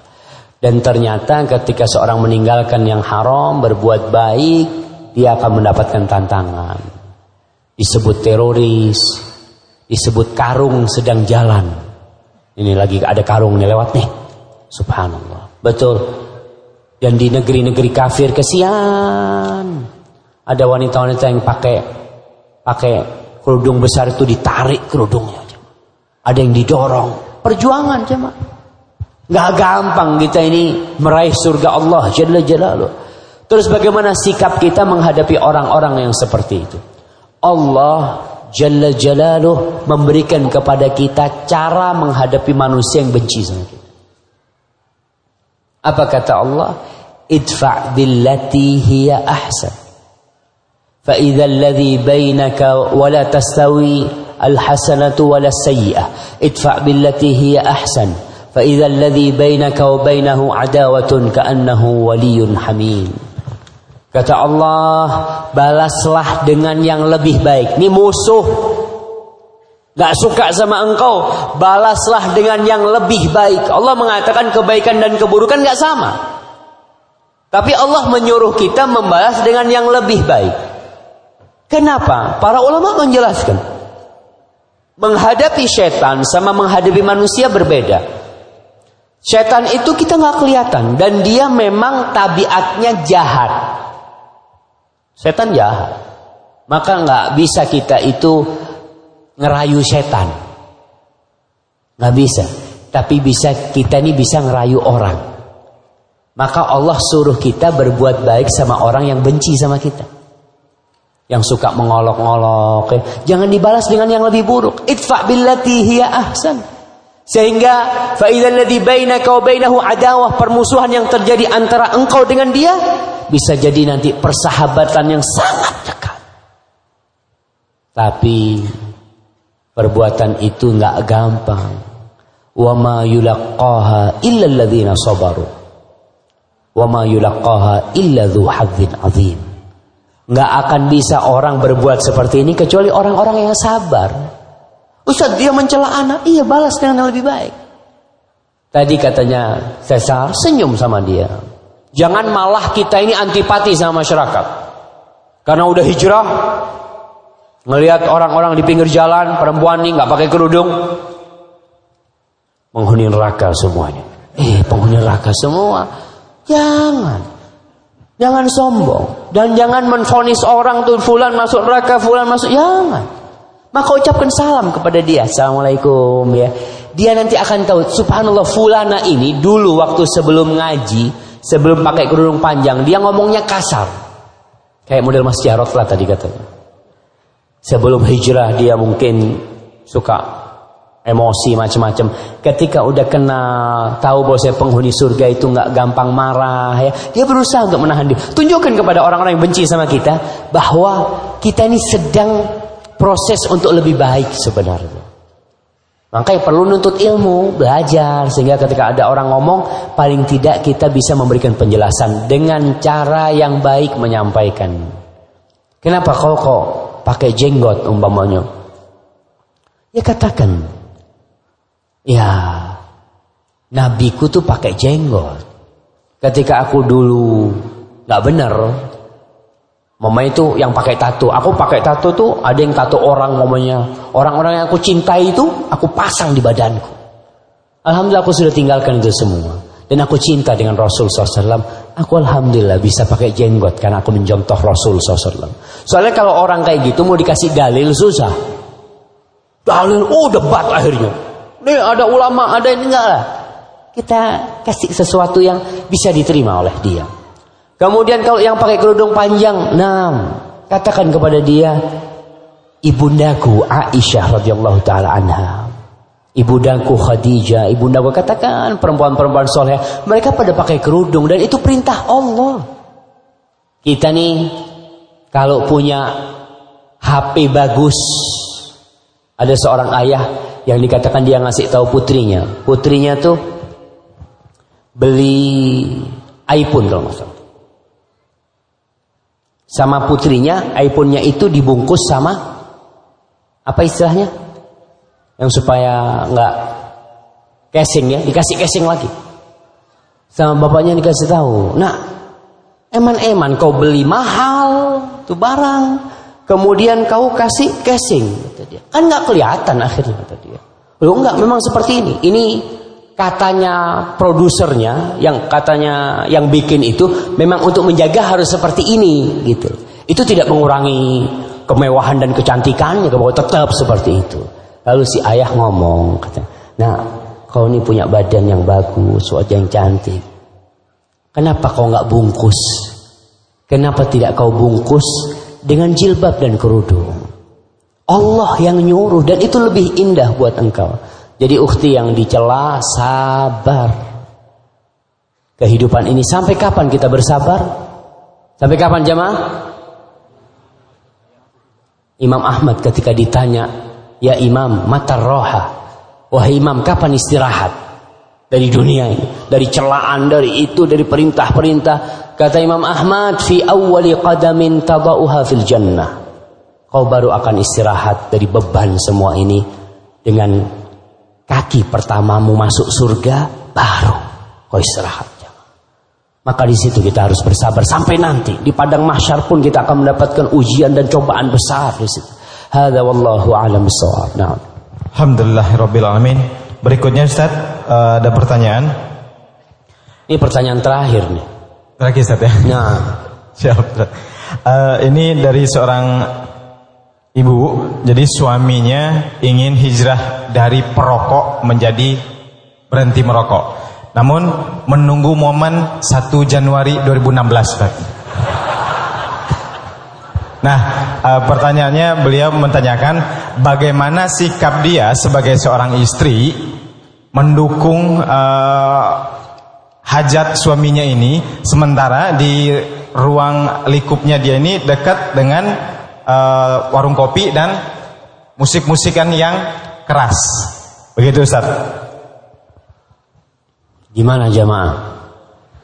Berkaitan dengan nunggu momen 1 Januari. Siapa yang jamin dia bisa sampai 1 Januari? Siapa yang menjamin dia bisa sampai 1 Januari? Umar bin Abdul Aziz. Ketika dia ngurusin jenazah khalifah sebelumnya, Sulaiman bin Abdul Malik. Hampir 24 jam dia nggak tidur. Dia ngurusin ya, setelah diurusin jenazahnya, pelantikan jadi khalifah, khutbah jadi khalifah, selesai capek dia. Kemudian dia masuk rumahnya, mau istirahat. Anaknya datang. Ya abadi, kata dia. Orang-orang tuh nunggu kau. Masyarakat itu. Yang kau sebagai hakim, sebagai pemerintah, ada banyak urusan yang harus kau kerjakan. Apa kata ayahandanya? Wahai anakku, aku capek, aku lelah, kata dia. Aku mau istirahat sebentar, setelah itu aku akan ngurusin mereka. Apa kata anaknya? Siapa yang menjaminmu bahwa engkau akan hidup sampai nanti? Umar bin Abdul Aziz dapat anak seperti itu, dia bangga. Betul anak, bangun Umar bin Abdul Aziz. Maka tadi yang taubat nunggu 1 Januari, Siapa yang jamin malam ini kita bisa bisa hidup? Nggak ada jaminan itu. Khairul birri ajiluhu. Sebaik-baiknya kebaikan itu yang disegerakan. Wasari'u ila maghfirati min rabbikum. Bersegeralah kalian menuju. Jangan ditunda-tunda, apalagi tobat ya. Karena orang kalau menunda-nunda tobat itu malah dia tidak akan berhenti nantinya. Lalu bagaimana kondisi atau peran istri menghadapi suami yang seperti itu kemudian ternyata lingkungannya tidak mendukung, maka istri harus bikin suaminya betah di rumah. Tahu ada warung kopi, Mas, 24 jam saya jadi mbok kopi. Minta kopi, ya, sediakan. Ada tempat hiburan, Mas, 24 jam saya siap menjadi penghiburmu. Siang, malam, duha, asar, siap.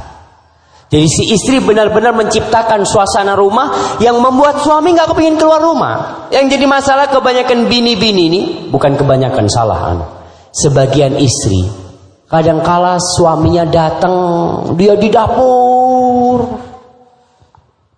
Kalau orang dulu itu ada yang namanya nginang. Untuk tahu nginang ya? Hah? Yang sirih gitu ya Suaminya datang dengan sirihnya dia. Oh, datang kamu sudah ya kata dia. Eh, hormati suami, bikin suami itu betah. Sehingga dia tidak akan terpengaruh dengan dunia luar. Dan kalau memang nggak bisa, ya tinggalkan tempat itu, cari rumah lain yang mendukung suami untuk untuk berbuat baik. Berat jamaah, mahal. Tetangga itu mahal. Rasul Shallallahu Alaihi Wasallam itu berlindung dari tetangga yang buruk. Beliau berlindung karena pengaruh tetangga sama anak kita, sama keluarga kita yang dekat-dekat kayak gitu. Maka kita diperintahkan untuk mencari tetangga yang baik. Hadza wallahu a'lam bishawab ya jamaah. Anak kayaknya suaranya udah mulai habis. Maka Simpul. kesimpulan kesimpulannya satu-satu suruh kasih kesimpulan Ana akan menyimpulkan terakhir. Taib, fadal. Kesimpulan dari mulai Abu Taqa. Falita fadal.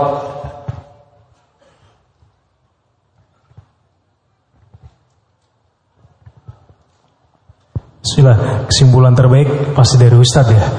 Tapi eh, Bismillah eh, yang jelas ternyata hijrah itu memang tidak mudah, harus diupayakan, harus digapai dan yang paling penting menjaga keistiqomahan setelah hijrah itu yang lebih berat lagi. Karena ada fase-fase futur fase-fase iman itu lagi turun nah itu memang butuh eh, majelis-majelis ilmu seperti ini untuk bisa menjaga kita tetap pada eh, rel hijrah biar bisa istiqomah itu ya. Barakallahu fikum. Bang Cesar. Ya, saya ingin membingkai suatu kata yang indah Masya Allah. bahwa ya Allah janganlah kau sibukkan aku dengan dunia ini, tapi bahwa dunia yang sesungguhnya adalah di akhirat. Subhanallah. Ya kita lihat tadi Abu Taqaw mengingatkan berkaitan dengan istiqomah. Belum selesai orang yang hijrah jangan berpikir masuk surga. Setan itu akan menggoda kita sampai akhir hayat kita. Karena dia berjanji, dia minta sama Allah, la ughwiyannahum ajma'in. Aku akan sesatkan semua hamba. Kerjanya setan yang sesatkan. Jadi orang yang hijrah pun tetap disesatkan. Mungkin beda sekarang. Kalau dulu diajak maksiat, sekarang maksiatnya berbeda. Dia digodain untuk riak. Digodain untuk ujub. Begitu pula apa yang dikatakan oleh Cesar tadi bahwasanya kehidupan yang hakiki adalah nanti kehidupan di akhirat. Kita di sini terus berjuang. Taib dari Mas Jarod, tafadhal. Bismillah. Ya, eh, ngomong-ngomong tentang hijrah, hijrah ini tidak bisa kalau kita menunggu sempurna ya. Artinya kalau tadi ada pertanyaan yang menunggu sampai tobat mau Januari, itu namanya kalau saya bilangnya nggak hijrah ya, karena nunggu nunggu sesuatunya semuanya harus rapi, harus sempurna itu bukan hijrah menurut saya. Jadi hijrah itu memang yang saya yakini yang sudah saya jalanin sesuatu yang tidak pasti untuk di dunia. Jadi saya juga nggak tahu waktu saya meninggalkan riba itu nanti gimana saya mau pergi. Tapi ternyata Allah memberikan jalan Ustaz. Jadi mobil mobil yang saya jual semuanya saya tahu-tahu dapat pinjaman mobil dari kakak saya yang ditinggalkan di Jakarta tiga bulan. Itu kan itu kan artinya saya udah pasrah sama Allah ya Allah yang yang yang yang ngatur semuanya. Jadi menurut saya kalau hijrah ya udah jalanin aja hijrah. Eh, sesuatu yang nggak pasti itu itu hanya di dunia tapi saya meyakini adalah hijrah ini pastinya menuju ridhonya Allah jadi kalau kita yakin ya kita di jalan Islam inilah di jalannya jalan Allah inilah saya meyakini saya paling enggak berikhtiar menuju surganya Allah itu aja Ustaz yang bisa. Barakallahu fikum. Subhanallah jemaah. Ya antum harus yakin. Ketika orang mau hijrah, dia harus membulatkan tekadnya. Untuk siapa? Untuk Allah. Innamal a'malu binniyat. Semua amal itu tergantung niatnya. Kalau kau hijrah bukan karena Allah, maka kita akan mendapatkan kita tidak akan mendapatkan ridha dan rahmat Allah jalla jalaluh. Lalu para jamaah yang sudah hijrah dan yang belum hijrah.